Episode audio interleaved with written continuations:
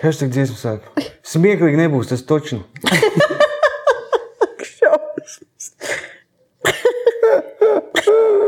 Kāds grib pasmieties, lai pasaules spūlī. Šī izrāde smieklīgi nebūs.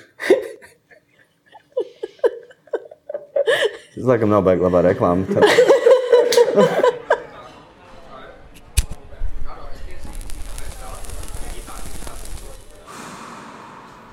Uh, labvakar, dāmas un kungi. Jauns gads, jaunas pīpētavas sarunas. Vēl kā tāds dubaks, ka pretīgi, bet uh, pie mums kā vienmēr mm, vieglā doma kā un plus 22. Uh, jūsu austiņās skan raidieraksts pīpētavas sarunas. Mm, Prieks jūs, prieks jūs klausāt, prieks jūs neredzēt. Uh, ar jums kopā, kā vienmēr, rasa nogludinām nesmukumus Bugavičūta pēce. Un Gatis pielādēt jautājumu Maliks. Un mūsu šī vakara viesis ir uh, semipro florbolists. Nu, viņš atvēriens kreisais. Uh, spēlē ar Excel. Vairs nē. Vairs nē. A, nē. Uh, Jā, Excel. Labi, nepieklājīgi jauns un talantīgs uh, cilvēks orķestris. Radiobalss, režisors, režisora asistents, uh, aktieris, var dziedāt, var spēlēt balsīs. Leģenda teātris aktieris. tikai teātris aktieris, eh, var strādāt ar objektiem, var kaut ko pats parādīt, palēkāt un iztaisīties. Nu, tāds uh, cilvēks no Jaunkalsnovas, kas arī ir kaut kādā ziņā jau uh, savu veidu kvalitātes zīme. Liekas, Kintijai. eh, Kinti, arī Kintijā mūsu podkāstu viesiņa pirms kāda laika. Arī viņi ir no Jaunkalsnovas. Un, vispār man ir radies tāds iespējas, ka cilvēki no Jaunkalsnovas vai nu tu esi nodzēries bombzis, vai nu tu esi izsities dzīvē. Ko es rādīju uz mani?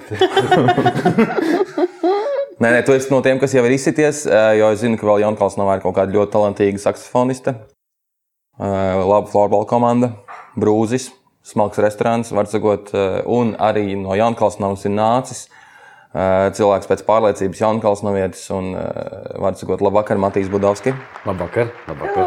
Ah, es nepieminēju Agnēs Budovskas vīrs. Jā, tā Budovskis. pieminēja. To es gribēju pielikt tieši. Um, es tevi gribēju šodien apsveikt ar uh, ģenerālu mēģinājumu sākšanos tavai topošai izrādē. Man liekas, jaunam režisoram tas ir tāds jau nopietns tā kā, posms pienācis.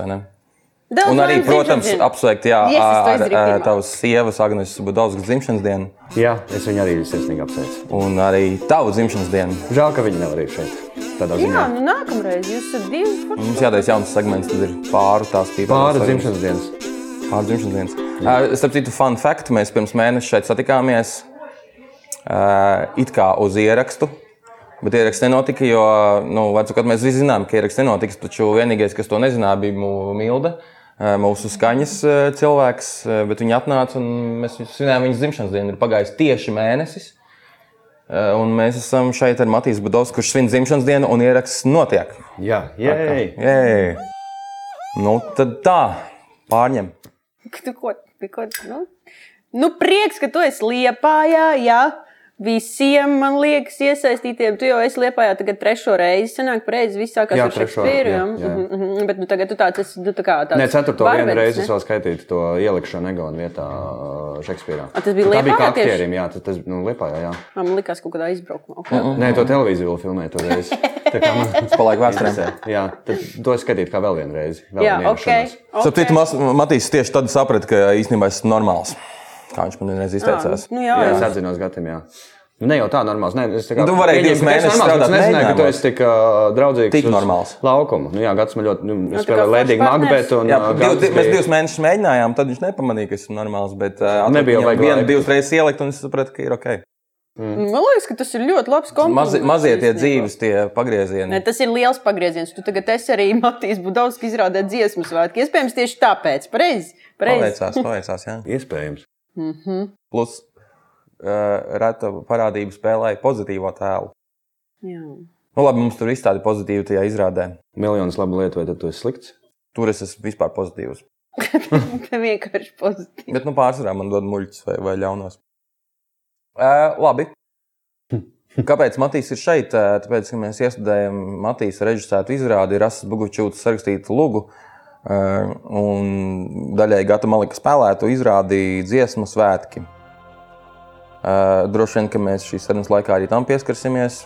Bet vispār tev bija kaut kas jāsāk, tā kā tagad kaut kā jāiesāk. Jā, es kā gribēju iesākt par to, ka ceturtā reize, un tā, nu, kā tad ir, kā tā katra, katrs pieejams, kāds viņš ir bijis un kāds vispār liepājā jūties. Man liekas, ka tas ir svarīgs jautājums. Vienmēr, nu, ja ir kāds cilvēks, kurš šeit nevis ir tāds, nu, tā kā mēbele, bet, bet tāds, nu, atnāk, aiziet, tad, tad ir svarīgi. Arī uzzināt, katru reizi kaut kā savādāk ir uh, sanācis. Pirmā reize bija ar Šekspīru, ar Elmāru, kā asistentam. Tā vispār gadījumā nebija pirmā reize, kad tu biji asistents. Vai... Bija, bija, bija. Jā. Jā. jā, tā bija pirmā reize. Ā, tu toreiz ļoti pārliecinoši to darīji. Izskatījās. Nebija jau baigi- ka nav pirmā reize. Viņš vispār ir ļoti pārliecinošs. Nebija jau baigi variantu. Nu, jā, mēs arī pirmsrādes balītē par to runājām. un Tad es Tad uzzināju, tu zināji, cik man ir gadi. Man bija Tev bija 24. 24. 4. Un Tad es, kāpēc esmu klausies tev divus mēnešus? jā, tas bija smieklīgi. Jā, tas man patika. Bet nu jau tev ir 28. Nu, jau ir Bet zini, 28 kas šeit ir? paliek. Starp citu, rekur tāda smuka plūstošā pārēja. Pirmkārt, nu, no šīs dziesmu svētku uh, radošās komandas es esmu visvecākā. Un, uh, Vai tad? jā, un es esmu vecāka, un tā kā tu biji jaunāka par visiem, kas spēlē šajā izrādē. Un tas ir tik ļoti jocīgi. Radošā komanda Ā, visi ir radošā, jā, radošā, jā, jā. Jā, un tas Acī, ir tik, nu, tik mums, frīkaini. mums tur viss ir tādi jauni. Jā. Radošajā komandā? Cik? Niks ir jaunāks par mani. Man liekas, ka Nikam ir. ā, Es domāju, vai gadu vai divus. Man liekas, ka gadu jaunāks Niks ir. Tas ir interesants mirklis, man šķiet. Uh, lai mēs nepazaudējam klausītājus, mēs šīs epizodes laikā uz, e uz beigām izspēlēsim ielūgumu divām personām uz dziesmu svētkiem, Patreoniem. Izrāda dziesmu svētkiem. Uz izrādes dziesmu, jā, jā, uz īstajiem. Jā. Mums nav ielūgumu uz dziesmu svētkiem. Tie biļešu būtu. mums nav pieejami. Uh, nu jā, nu tad kā tad ir? Jā, pirmā reize tā tad bija kā asistentam, otrā reize jau bija kā asistentam dramaturgam, kas bija arī pilnīgi cita pieredze tādā ziņā. Ā, Tad ā, un pa vidu bija tā reize, kur es ielicu Egonu vietā. Tā bija biji kā aktierim, jā. Ļoti stresaina reize. Es atceros, par to zvanu bija pirmdiena. Un tieši pirms manas dzimšanas dienas, man liekas, tas arī bija. Varētu būt pēc Man tā liekas, tas bija janvāris arī. Un tieši pirms dzimšanas dienas tā man liekas, man bija dāvana. Egons bija apslimis. Un zvanīja Herberts. Un, uh, viņš teica, saka, jā. Un, uh, es liekas, ka vispār pieņēmu par grimiem, ka runa būs. Jo grimi bija ieplānoti jau to es tā kā zināju. Un es teicu, jā. Un viņš teica, Un uh, iekrita. sestdien ir izrāde. Uh, Šekspīrs to jāieliec Egona vietā. un bija piecas dienas iemācīties tekstu, un tad tajā sestdienā bija izrāde. Bija Viss mēģinājums veiksmīgi. no rīta un bija vakarā izrāde. Viss bija veiksmīgi. Jā, jā. paldies tev, Gati, par uh, kolēģiālu Paldies, tev, palīdzību. Matīs, ie- ienes jaunas vēsmas.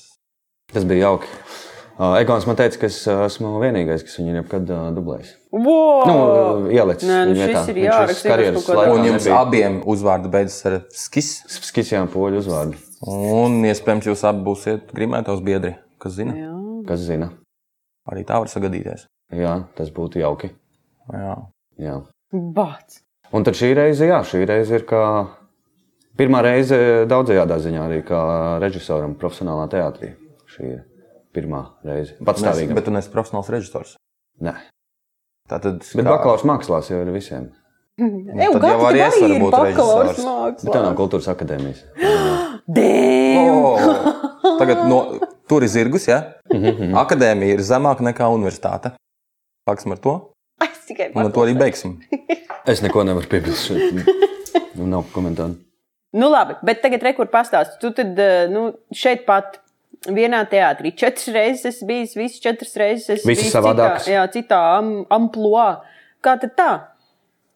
Nu, kas tad, kā, ar kādu domu tu vispār gāji uz kultūras akadēmiju, kas tu gribēji beigu finālā iznākt? Jā, par ko tu sevi sauc? Kā, kas Jā. tu esi?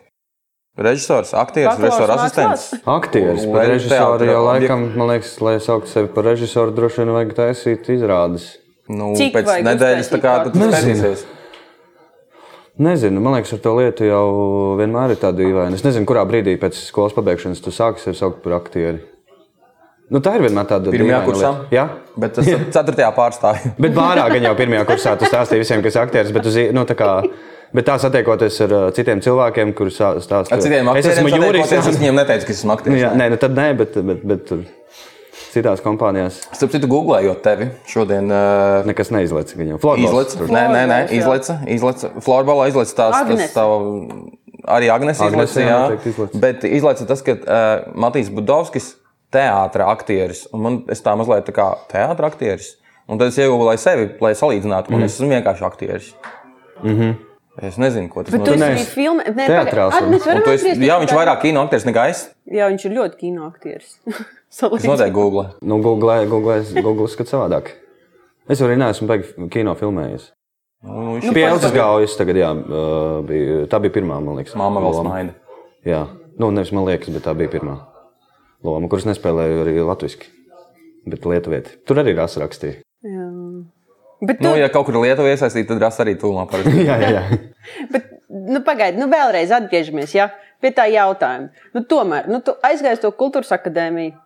Nu, kas tu gribēji beigu finālā? Nu, aktieris, aktieris. Es gribēju Tā- aktieros, tā jā, jā, es gribēju. Tā, tā, kā, nu, tā visvairāk tava lieta. Vai tagad, re, kur pataustot drusciņu to režiju, tev tomēr ir forši arī, vai tur, nu, asistenta būšana. Tas jau arī ir vairāk, tomēr, nu, tuvāk režisoram kaut kā. Nu, kā kas ir tas, kas tev patīk vislabāk? Nu, laikam, jau, pirmkārt, man liekas, nu, akadēmijas laikā es sapratu, ka man ļoti patīk teātris. Varbūt tāpēc ir tas teātris. Man, man tiešām ļoti patīk teātris. Man patīk uh, strādāt teātrī un veidot. Un kā, kad Elmārs parādījās mūsu kurs, kursā kā pedagogs, tad es arī sapratu, cik forši ir. Uh, būt nu, kaut kā tajā procesā arī kā radītājam. Viņš arī deva tādu iespēju. Nu, Elmārs dod tādu iespēju. Tad, viņi droši vien kaut kādā tajā iestudējuma procesa laikā vai nu izmanto vai neizmanto. Nu, attiecīgi. mm. Bet tādu iespēju viņš parasti dod, man liekas, gandrīz vismaz cik es ar viņu esmu strādājis katrā procesā, iestudējuma. Nu, ka tev ir būt iespēja būt arī tam radītājam. Mm. Tu viņu var neizmantot, tas ir ok.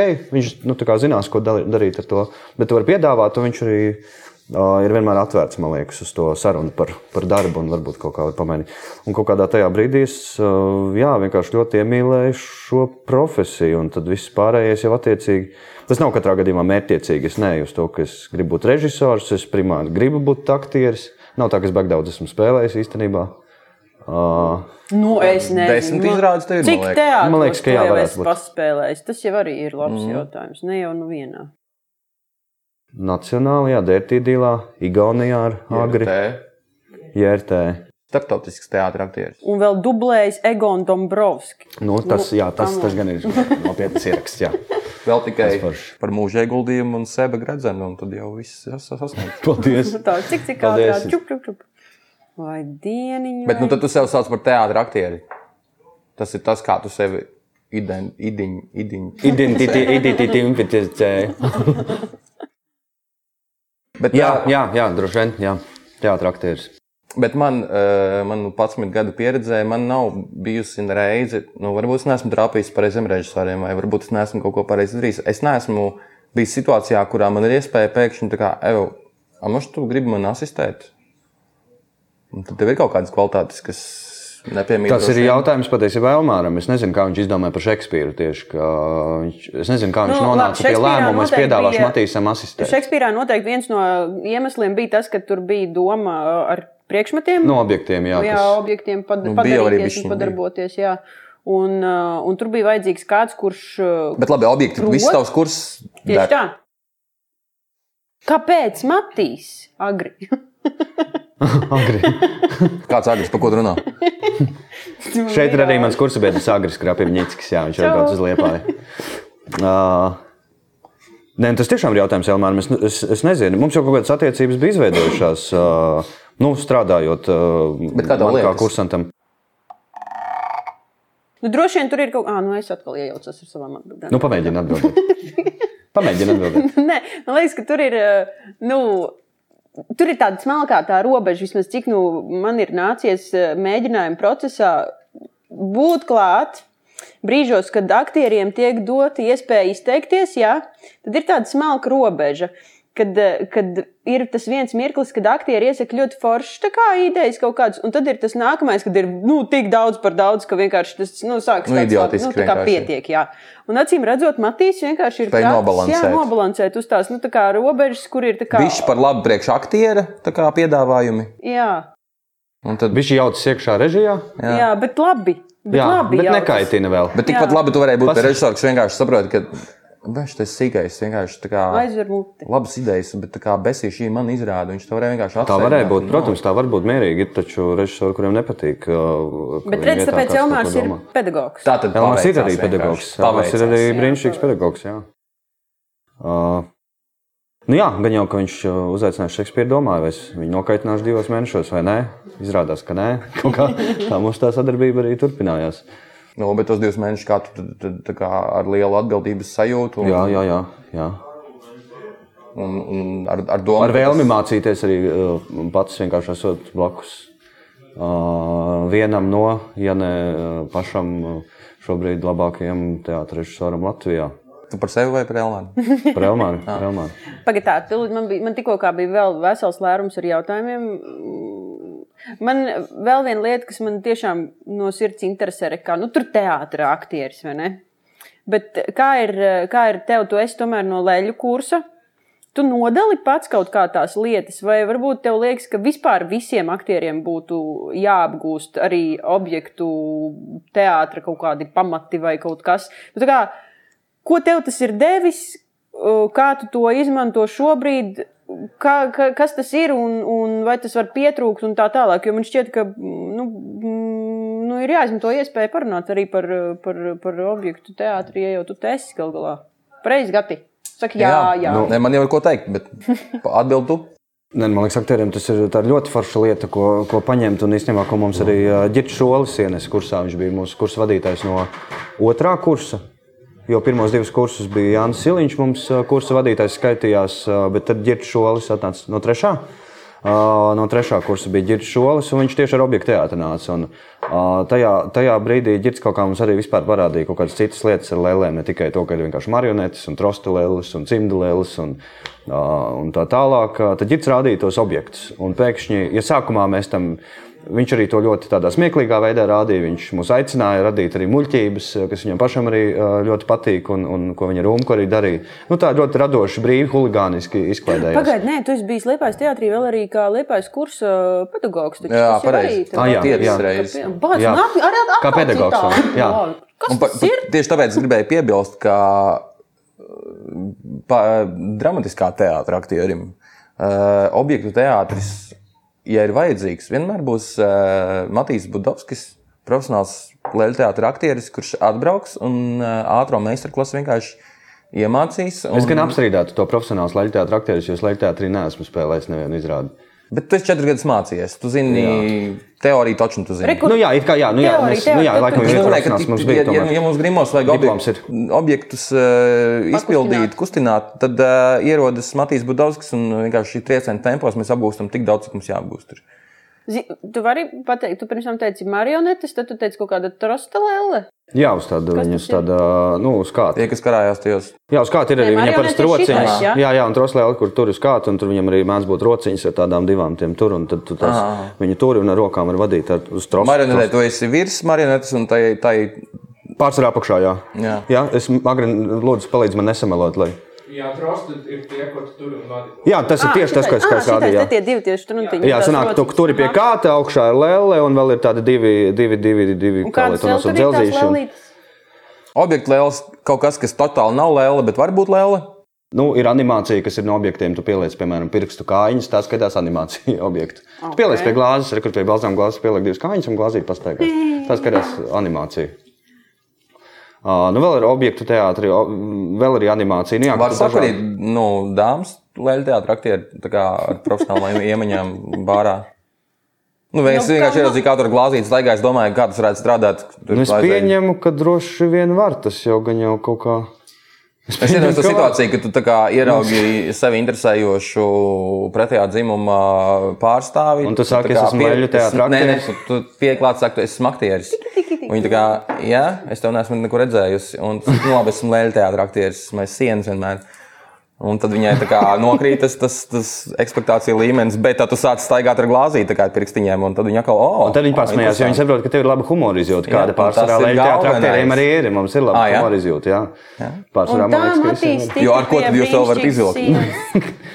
Humora izjūta ir vajadzīga arī ne tikai teātra aktieriem, bet uh, arī aktieriem reizēm vajag. Dzirdēji, Dažiem kā vajadzētu tā. Matīs tik pie brīnišķīgas sievas. Jā, es, Bet es vasarā satiku Agnēs Budovs, ka viņa vienkārši daudz smējās. Man liekas, ka nu, viņa ir viegli Viņš sasniedzama. sajauca. Karš viņa vienkārši daudz smējās. Viņš laik domāja, ka par viņu jokiem brīnišķīgi. Bet jums droši vien tāpat eh, bija skaidrs, nu, es nezinu, kādas jums tās ģimenes attiecības, bet tā kā jūs abi esat dzimuši 6. Šodien. janvārī, tas nozīmē, Man liekas, ka tad, kad jūs to noskaidrojat, skaidrs, vienā laikam būs gadā? jāprecās. Vienā gadā nē. Uh, Piedod, es nedzirdēju tās beigas. Nu, jūs noskaidrojāt to, ka jūs vienā dienā skaidrojat ģimeni jau. Bet, pierod, mēs ļoti pā- es tā kā nepaspēju par, Mēs to, par to lēkājam, jautājumu. Jā, jā, es man liekas, ne uz vienu jautājumu vēl neesmu atbildējis. Bet nē, man patīk. Tā tā pirmā pusstundu parasti Šī ir. ir ļoti laba saruna. Uh, bet par to, vai vajadzīgs dramatiskā teātris aktierim. Man vienkārši tā ir, nu, man liekas, tā ir svarīga tēma.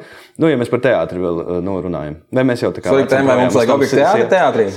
Nu, par, jā, vai dramatiskā aktierim, dramatiskiem aktieriem. Nu, pārliecina mums, pārliecina. Nē, man liekas, ka šīs uh, zināšanas noder pilnīgi visiem. Es tiešām domāju, ka vajadzētu visiem dramatiskajiem kursiem arī nu, kaut vai objektu teātrā. Vienu semestri. Uh, vienu semestri ir gan es ar liepais uh, jūsu jaunajiem strādāju ar vienaudžiem.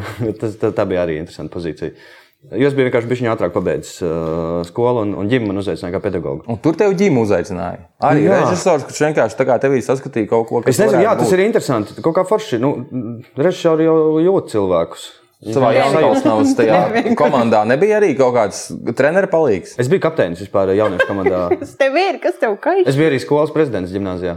Nu, redz, un vēl viņš ir rāģis, kā strādājis, cik tur pa naktī vienkārši viņš mūs skalo visu laiku smadzenes. Jā. Pasaka pāris teikumus rādio. bet pabeigsim par tiem objektiem. Es vienkārši, nu, tā ir lieta, par kuru gribas pabeigt. Par kuru tu vari Jā, un tad- iedegties. Bet viņi arī noder, ļoti, jā, par kurus iedegos, kā redzi. Tātad es esmu Latvijas teātris Tiešām, man tiešām interesē un rūp, rūp šī uh, lieta. Um, uh, viņa ir vajadzīga vien tāpēc, arī, lai tu kā dramatiskā teātris aktieris vispār arī mācītu forši strādāt ar rekvizītiem. Tā ir baigā uh, prasme. Piemēram, mums arī tagad izrādē ir diezgan maz rekvizītu, bet mēs viņus visus arī nu, diezgan labi apgūstam. Arī to telpu, kaut vai tik niecīgi kā sišana pa mikrofonu, vai arī, ja tas dezinfekcijas līdzeklis tur stāv, tad mēs no viņa esam arī izspieduši. Maksimumu.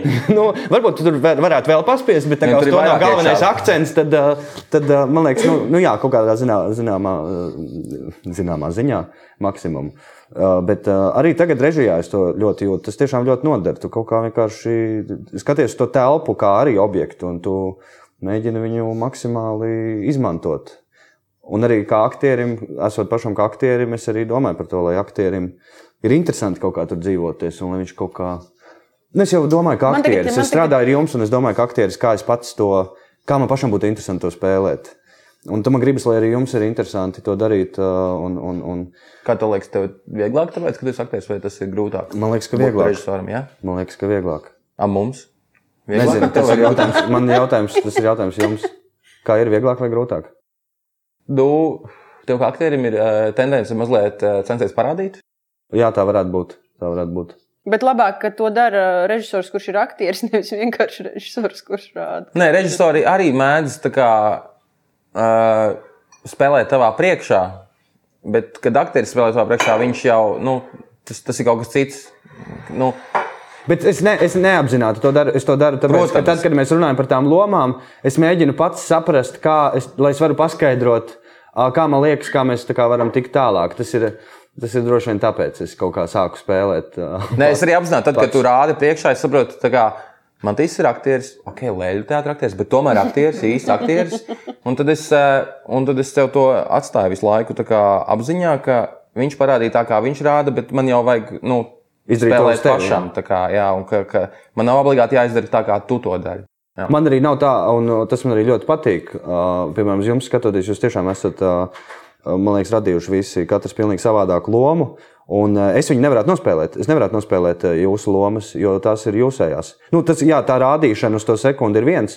Bet uh, es tā kā rādu, iedomāju, iedomājoties, piemēram, es tev rādu, es iedomājos, ka esmu gatis un kā es to kā gatis. Nu, tur tāds piņķers man galvā notiek. Jā. Bet tajā pašā laikā visu to trasi, kā tu viņu izēji, viņi nevarētu iziet tāpat. Nu, es droši vien, man būtu pilnīgi, man- jā, man būtu pilnīgi no jauna jādomā, kā, kā es to darītu. Tas arī, protams, Režisori, piemēram, man liekas, režisori, kas nav aktieri, viņi mēdz aizslēpties aiz kaut kādiem. Nu, bet man tikko bija draugu čatā, nu, arī tāda viena maza epizode, kurā viens no draugiem ieņēma mazliet tādu defensīvu, aizsargājošu.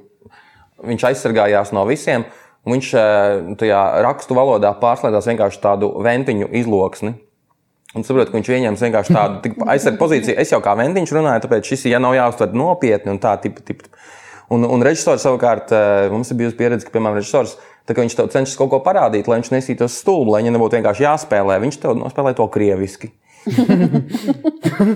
Un, Nu, nu, jo tas nav viņš. Jo tas nav viņš, jā, un to momentā, viņš tā kā momentā pasaules, viņš pats to droši vien pat nav, nu, nav to sev nu, tā kā izanalizējis, kāpēc viņš tā dara, bet uh, viņam vieglāk parādīt krieviski, un, uh, un es, nu, es saprotu, tas ir kaut kāds aizsarga mehānisms, ar ko tu vienkārši tiec mm. tādā veidā tiec galā. Jā. Jā. Vēl radās tāds kaut kāds dīvains, bet nu, iespējams, beigas kļūdains kaut, kād, kaut kāds priekšstats vai doma par, par to leļu teātrā aktieru kaut kādu priekšrocību. Man liekas, ka tomēr tā ir diezgan krūta stēle. Ka tev ir Kāpēc jābūt. Tomēr. Ka tev Nu, ir tāpēc, ka pagaid, tomēr. Pagaid, nu, bet, nē, liekvārdība parastā. Kā tev ir jābūt spējīgam mm, radīt to nu, līdzpārdzīvojumu un kaut kādu to tēlu zīmējumu daudz vairāk, izmantojot tieši arī balsi. Nu, kaut kā, un tad tajā brīdī, tad, kad tev noņem nost to kaut kādu šķirmu, kas tev ir priekšā, tu tāpat Tas ir, tas ir, tas ir baigi inčīgi. ka- Priekšstats nu, nav jau viss, lai izrādas aiz šīm. Nu, nu, jā, bet, Nu, bet bet, tu, bet tas ir treniņš, tev tāds ir bijis vispār. Vai tas ir stereotips? Tas ir stereotips, kas vienkārši valda. Mums īstenībā tajā mm, akadēmijā mēs diezgan maz vispār darbojāmies aiz šīm. Tāpēc, ka akadēmija nav šķirmi, nav naudas šķirmi. Nē, nē, mēs leļ, mums leļu teātrī bija nodarbības. Nē, es redzēju, Tur tur, nav es redzēju tur daudz visādas izrādes, kur uh, bija šķirmi, bet arī, bet arī leļu teātrī patiesībā tās uh, izrādes, ko viņi veido, pārsvarā nav aiz šķirmi. Viņi tiešām arī tā atvērt. Nu, jā, bet tev tāpat noslēpj. Tu esi kaut kādā, nu, tu esi neitrāls. Tu Nu, tikai tu- lēla. Ne, Ne, tajā brīdī, kad tu spēlē ar lēli, skaidrs, ka tev ir jāatvadās no kaut kāda sava aktieru ego, ā, kas, kas, kas mums visiem ir. Kas ir Bet mēs veselīgi, kaut kā to ne? četru gadu laikā, man liekas, nu, atvadījāmies tieši caur lēlēm no tā kaut kāda neveselīgā ego. Vismaz liela daļa no mūsu, mūsu kursa, manuprāt. Un tā arī ir baigi foršā kvalitāte, kad tu saproti, jo nu, skaidrs, ir ļoti daudz dzirdēts teātrī. tā kā, Jūs lamājaties arī šeit, vai, vai Jo! Drīkst. Ja? Nu, par, par, par to, uh, ka tā kā bļaģis neesmu nekāds leģenda teātris aktieris. Kāpēc man jādara tā sūds šitais? Uh, nu, tas ir tas ego, kas runā, un tu nevari pieņemt, ka tev ir uh, tagad es pazudījušies kaut kāda Kaut kāda sūda. vates sūda. Es kaut kādu vatu sūdu, es kaut kā, kas vispār slikti izskatās, vai kaut kas tāds. Un tas ir tas ego, kas tev runā, runā caur tavu aktieru. Bet tur ir tā milzīgā brīvība. Es esmu pie šoļa spēlējis Dželsamīno Melzemē, un, un tur bija mēs ar objektiem spēlējām kaķīšus, kaut kādas sunīšas un kaut ko tur lecam. Un, un pie Mārča Lāča esmu spēlējis runcīs zābakos, es biju runčā uh, rokas.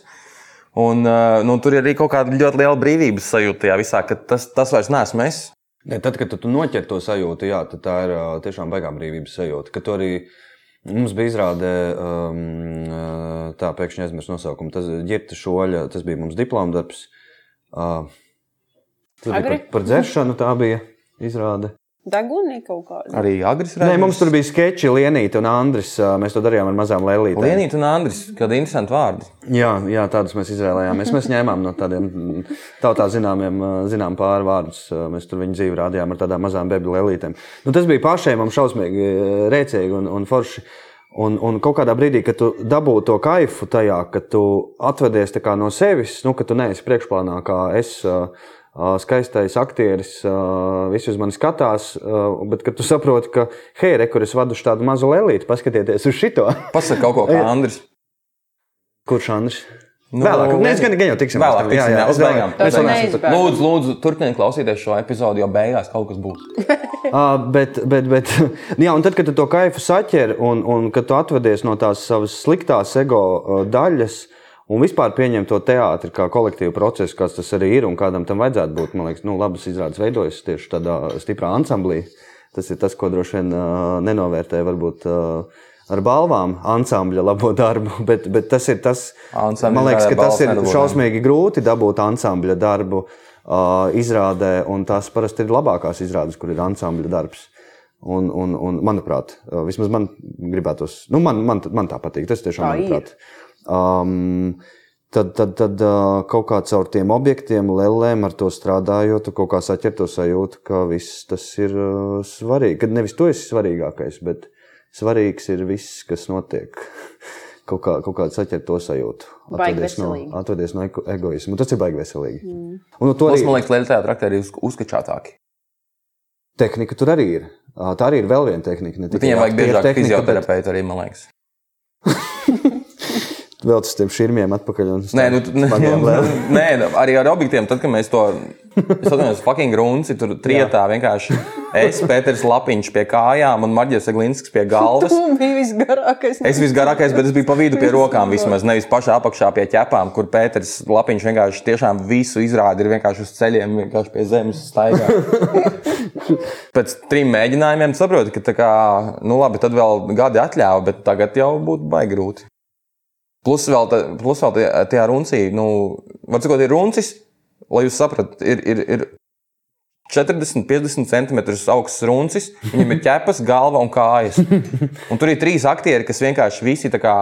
Nu, ļoti cieši viens otram. tā Uz lielās skatuves. Uz lielās skatuves. Un Vienkārši runcī. to visu laiku jāmauc, un visu laiku jākustās. Un, oh, tas, tas bija jā, fiziski ļoti izaicinoši. Jā, jā, nē, nu pēc tādām izrādēm fizioterapeitu vajag. Jā. Droši vien, ja to dara vēl daudz. Tas tā nav tur dziesmu svētkos, iziet bišķiņ kaut ko. Un plus arī tā objektu lieta uh, un leļu teātris vispār, nu, man liekas, arī ļoti attīst radošo domāšanu, kas uh, uh, nu, aktierim, kurš arī nu, droši vien grib būt radītājs uh, procesos, nu, tas arī ir ļoti forša skola. Nu, mēs, mums nācās ļoti radoši visu laiku strādāt, kaut kā domāt citādā.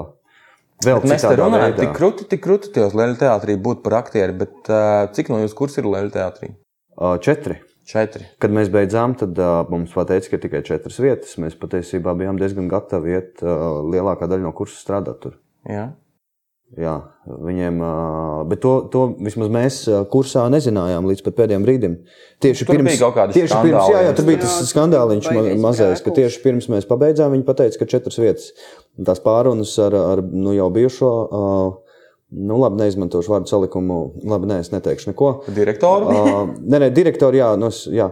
Uh, tās pārunas bija diezgan, nu, tas bija kaut kas drausmīgs īstenībā, beidzot skolu. Nu, tas kā tas notika. Pārunas. Ā, Nē, bija sākumā četriem. ā, Tad tie četri teica, viņiem tika dots laiks padomāt, un kamēr viņi domāja, tika jau saukti nākamie. Un saka, parakst tagad līgumu, tas nebūs, tu būsi. Wow! Nu, tā kā tās pārunas bija tādas. Ēdu vai tiec Tā apēst? kā, jā, tā kā es tajā brīdī vēl biju tāds arī jauns. Un, nu, ja, Tu joprojām jaunāks, nē, nē, nu, ar, ide, nu, man joprojām droši vien ir kaut kāda ideāla un kaut kāds tas mans sapņu burbulis nav pārplīsis. Bet, uh, Man tas likās ļoti nesmuki un negodīgi, un es arī uzreiz arī sapratu, ka man saites šeit tā arī mūsu tā komunikācija bija- beigsies. Tad es arī pateicu, kad es sapratu, ka kāds mans kursabiedrs, kurš šobrīd domā, varētu nedabūt darbu, jo es tagad vienkārši pārakstu, man likās ļoti nepieņemami, ka tāda situācija var būt vēl pie tam no direktora puses, kurš it kā ir bij- bijis tas cilvēks, kurš mūs ņems kursu ā, savā teātrī. Un tajā brīdī es sapratu, nu, nav pa ceļam ar, ar, ar, ar šādu cilvēku. Es toreiz arī tā arī pateicu, nē, to izdarīja vēl daži, un kāds darbu pieņēma.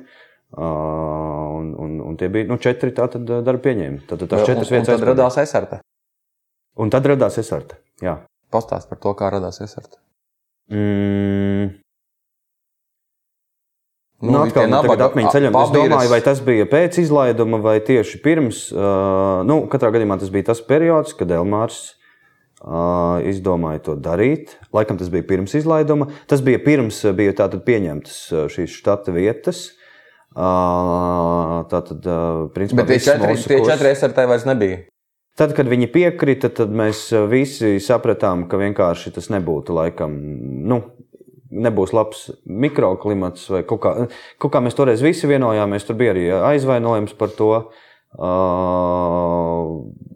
Kaut, kāds, kaut kāds aizvainojums droši vien mūsu kursā radās tajā, tajā brīdī. Jā.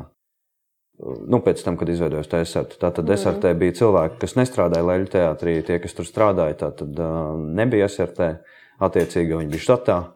Un, un, un, un, un tas jau arī droši vien jautājums Elmāram. Viņš gan, man liekas, daudz par to runājis, kā, kā tas radās. Viņš aizgāja, man liekas, izdomāja, ka nebūs Nacionālajā teātrī tajā brīdī. Uh, Few gribēja iet later. Uh, nē, nu viņš tajā brīdī, vienkārši gribēja pamēģināt. Viņš atrada, laikam, nu, mūsu kursā saskatīja cilvēkus, ar kuriem viņš labprāt gribētu pamēģināt strādāt un veidot kaut kā tādus. Plus talantīga režisora ambīcija dabūt savu teātri. Nu, no nulles vienkārši pacelt kaut kādu Tas bija savu. arī tāds, jā, tiešām man liekas, tāds foršs brīdis, kurā likās, ka viss, viss ir iespējams, ka jūs bijāt tādi svaigi, svaigi un visi vēl gruzdoši. Vēl... Jā, un tad uznāca arī pandēmija. Um, varbūt arī nu, netika Bet pašlaik kas notiek pirmā izrāde. Nu, šobrīd skaidrs, ka diezgan grūti būtu pastāvēt. Bet es ar te pastāvu. Es ar tīru. Man Nokancelēta liekas, nav. vai man ne? liekas, ka uz papīriem jau ir. Jā. Sijā ir jā. Nezinu, vai tas ir SIA, bet, bet, bet uh, biedrība man liekas, ka, Es aizmirsu uz īsu. biedrība, man liekas, ka ir. Nu, fantastiski. Paldies. Egons Dombrovskis. Matīs daudz laimes dzimšanas dienā. Paldies, tev. Divi, divi kolēģi satiekas. Paldies, Gat. Rasa, Elma? Lūdzu, neaizmirst. Paldies, paldies. Čau. paldies. Čau, čau, jauka vakar. Uzīgi, paldies. Čau, čau. Čau, Matīs. Es ar tevi pašlaik pastāvu. Saku uz papīra, jā. Uz Bet, Jūs papīra, bet reāli. Otello spēlējat vēl, ne? jā, starp citu, jā, mums ir vēl īstenībā divas izrādes no uh, Esartas. Viens ir Otelo, kuru mēs uh, mm, slikti reti spēlējam. Nē, Un labi. reti vai slikti reti. Nu, slikti ir tas, ka reti tā, tādā veidā es gribēju sa Un arī slikti. sakombinēt šos Ne, vārdus. tāpēc, ka reti arī slikti. Nē, mums ir ļoti Nu, liels prieks, ka izrāde forša izrāde. Jā, nesmu dzirdējis. Nu, jā, jo mēs Lēļ esam viņu praktiski trīs reizes tā kā. spēlējuši. Nu, jau tur spēlē Elizabete Nacionālajā teātrī aktrise. Nu, tie visi ir liela teātra izglītības. Aštat. Nu, jā, tas gan, jā. Profesionāla leļu teātra izrāde, jā. Objekta teātra. Un Klases garāžas. Un divas garāžas Igaunijā, kur mēs joprojām spēlējam. Viena tos- izrāda, bet divas garāžas. Jā. Jo uh, divi Igauni aktieri, divi latviešu aktieri. Es un Agris, kurš ir šeit Liepājā arī tagad. Kāds agrs? Krapivņickis. Re, kur ir? Viņam nav mikrofona, tāpēc viņš nevar. Tas nav godīgi. Gati, tu Pagaid, zini, kas man, izaicini viņu, bet viņš to nevar atbildēt, jo viņam nav skaņas. man ir? Man, ir, man vēl viens jautājums. Tu forši teici par to, par to jaunu cilvēku kaut kādu ideālo burbuli. Viņš pastāst par šo, jo tu esi viens no tiem, kas ir ne tikai leļu teātrim pateicis nē, bet vēl šādiem tādiem štatiem pateicis nē, pareizi es nemeloju taču. Jā. Pastāst par to savu ideālo kaut ko. Kas ir bijis tas iemesls, kāpēc tu saki kaut kam nē, par ko droši vien kāds cits būtu gatavs atdot pusi karaļvalsti? Konkrēti, nu jā. Nu, par štatu, par štatu domājot, uh, nu, nav tā, ka man, man nu, ja, es, es pieņemu, ja tu esi štatā, tad tu tur esi. Un, ja es tur arī būtu, es noteikti darītu vienkārši maksimālo. Tātad, uh, tu esi štatā kā aktieris, tātad tu esi aktieris, tu arī maksimāli dari savu aktieru darbu. Tagad man ir šos trīs gadus bijusi tā veiksme. Uh, laime un iespēja gan strādāt ar Elmāru, gan nu, pat arī pirms dziesmu svētkiem ar Reinsu Hānovu, kurš man arī uzaicināja par asistentu Nacionālajā teātrī. Un ir bijusi iespēja spēlēt Igaunijā, izrādē, ir bijusi iespēja pašiem savā grupā pamēģināt veidot izrādes, ko mēs darījām ar Esarti. Un ļoti daudz iespējas, kuras es kā momentāls štata darbinieks būtu palaidis garām. Nu, tā ir, nu, šie, šie trīs gadi ir bijuši tikpat intensīvi, intensīva skola, kā tie bija četri gadi akadēmijā. Nu, tā skola ir turpinājusies, man viņa nav beigusies joprojām tādā ziņā. Man visu laiku liekas, ka es uh, nu, jā, mācos, un ar štata dzīvi es pieņemu, uh, zinot arī savu raksturu, uh, kurš ir kaut kādā ziņā arī vājš. Brīdī, kad iestājas rutīna, tad es kaut kā sāku lūst droši vien. Tādā ziņā, ka, nu, ja tev ja no tevis neprasa vairāk, vai tā situācija tev nespiež darīt vairāk, tad uh, var iestāties kaut kāds pagrimums. Um, un, un uzreiz pēc skolas es to no tā nu, vairījos. Un šie trīs gadi man ir bijuši kā tāda. Bet es esmu runājusi arī ar pāris režisoriem uh, par to, mm, ka tomēr, tad, kad ir aktieri pabeiguši augstskolu vai mm, akadēmiju vai Universitāti. jā, tas mm, kā nu kurā gadījumā, uh, un ilgstoši ir strādājuši tikai ārštatā, pienāk viens tāds brīdis, kad to var baigi redzēt. Ka, ka tam cilvēkam tomēr kaut kā sāk trūkt, uh, nu, tā, es es nevaru, es nevaru vai, vai tur rodas kaut kāda pašapmierinātība. Tāda, Tur nav, tur nav arī bišķiņ tas, ka tu uh, izvēlējies tikai to, ko tu gribi spēlēt. Jā, sev varbūt. interesants projekts, un tu neesi to garoziņu dabūjis, kas ir štatā, ka tev jāspēlē arī trešais plāns. Un, un Jo ir vienkārši tas dēļ viens numuru. mirklis, ka to vien, var jā, jā, sākt jā. pamanīt. Vienkārši, ka, tam, ka, ka, ka, ka pietrūkst tā, tā sūruma, kaut kāda piegarša tai, tai kaut kādai ir, profesijai. šitā ir laba, laba tēma un labs punkts, par ko nav, man liekas, runāts. Visi vienmēr runā par, par štata, par štata mīnusiem un ārštata plusiem, bet neviens nerunā tā kā otrā virzienā. Mm. Nu, man liekas, ka Jānis Kronis jau diezgan daudz runāja par mīnusiem. Uh, Man pat, es klausījos, man pat likās uh, pārāk daudz. Jo ir, jo ir ļoti daudz plusu, bet es droši vien arī no katra. uh, Katra, nu jā, man tādā ziņā, lai gan Jānis pats ir pamēģinājis, man liekas, tik daudz samploā, mm. vēl žurnālistikā, un vēl sazina, kur viņš ir vienkārši supergudrs uh, čalis, kurš principā vispār varētu būt arī prezidents. Man, man liekas, tāds, Nu, uh, vēl nevar, jo viņam nav gada. Vēl nevar, jā, bet, bet principā varētu būt. Un, un, un, un viņš arī ir visu kaut ko pamēģinājis. uh, Bet, Mums bet vajadzētu prezidentu uzvārdu kronis, tas man liekas būtu. tas būtu ļoti labi. Tas būtu brīnišķīgi. Tas celtu pašapziņu nacionālo katrā gadījumā. Jā. Viņam gan bija tas viens video, kur viņš runāja angliski. Tur, tur vēl var piestrādāt. Nu, viņam ir pāris. Bet ir laiks. Bet, jā, viņam ir laiks, viņš ir censlis. Viņš ir Erasmus tiks vēl. galā, Jā, jā, jā kronis tiks galā. Uh, Jā, skaidrs arī tas. Um, arī beidzot skolu, man bija arī tā spītība, vēl nu, vairāk. Tā, tā man ir palikusi noteikti mazāk uh, nekā man bija. Nu, tāda droši vien tāds nu, uh, gailēns, pabeidz skolu, bišķiņ patīk vēl lēkāt un, un nav apbražājies. Kaut kādā ziņā nu, gribētu teikt, ka es arī no otras puses, pa- esmu nu, kā, vai to spītību tik ļoti vajag saglabāt, ja tev tiešām viss labi iet, ja tev piedāvā interesants projekts, tu vari strādāt sevi interesējošos eh, nu, pozīcijās, darīt to, kas tev patīk, kāda, kāda tur vēl spītība. Es pieļauju, Nu, man ir tā, viņam- varbūt tas horoskops zīme, kā Janvārs un Mežās. Tur gan jau tas tā vienkārši tāda raksturiezīme varbūt. Esmu par diezgan Mežās spītīgs. Spītīgi. Spītīgi. Bet man liekas, ka, man liekas, ka tā spītība varētu būt arī viens no, viens no kaut kādiem tiem mm, iemesliem, kāpēc arī ir tās iespējas kaut kādas tādas. uh, Nu, Jo ir baigi viegli kaut kā viņas nepamanīt un noērēt, bet tad, ja tu gribi kaut kā un iestājies par to, ko tu gribi, tad jau to arī jūt un man nezinu, ko. Man arī ļoti patīk plānot laiku. Es esmu diezgan punktuāls. Oh, man lā, nu, labi, tik punktuāls jūs mums. Tu esi fantastiski punktuāls un vienkārši tiešām visu cieņu, abrīnu un vispārējo. Un... A, tu rasa nēsi? Esmu dizasters, nevis punktuāls. Man es dizasters. biju pasirmoju rasu tādā ziņā. Ko- Bet mums ir, redz, kā redzat, joprojām Dārgi, dārgie Latvijas režisori un Ja cilvēki, kas grib sadarboties ar Asu Bogovičūti pēci, iemācieties vārdu deadlines plus Un piecas aizmirst. dienas. Celikums tāds, jā. Ai, jā. Ka tā arī var būt. Bet tas droši vien arī. A, Kāpēc tu vispār rasu paģēbi, ja tu vari pats uzrakstīt? Būsim godīgi, Rasa mani paņēma. À. Arī pamanīja kaut ko tādu, ka Tad viņš Jā. jau pats uzrakstīs, nebūs, nebūs jāčakarējas. Jā, jā, Rasa jau izvēlējās. Rasa jau izvēlējās mani ar Herbertu. Jā, Tas sapratu, bija- vai ne? Jā, bija baigi. Īstenībā Īstenībā arī par šo neko nezinu.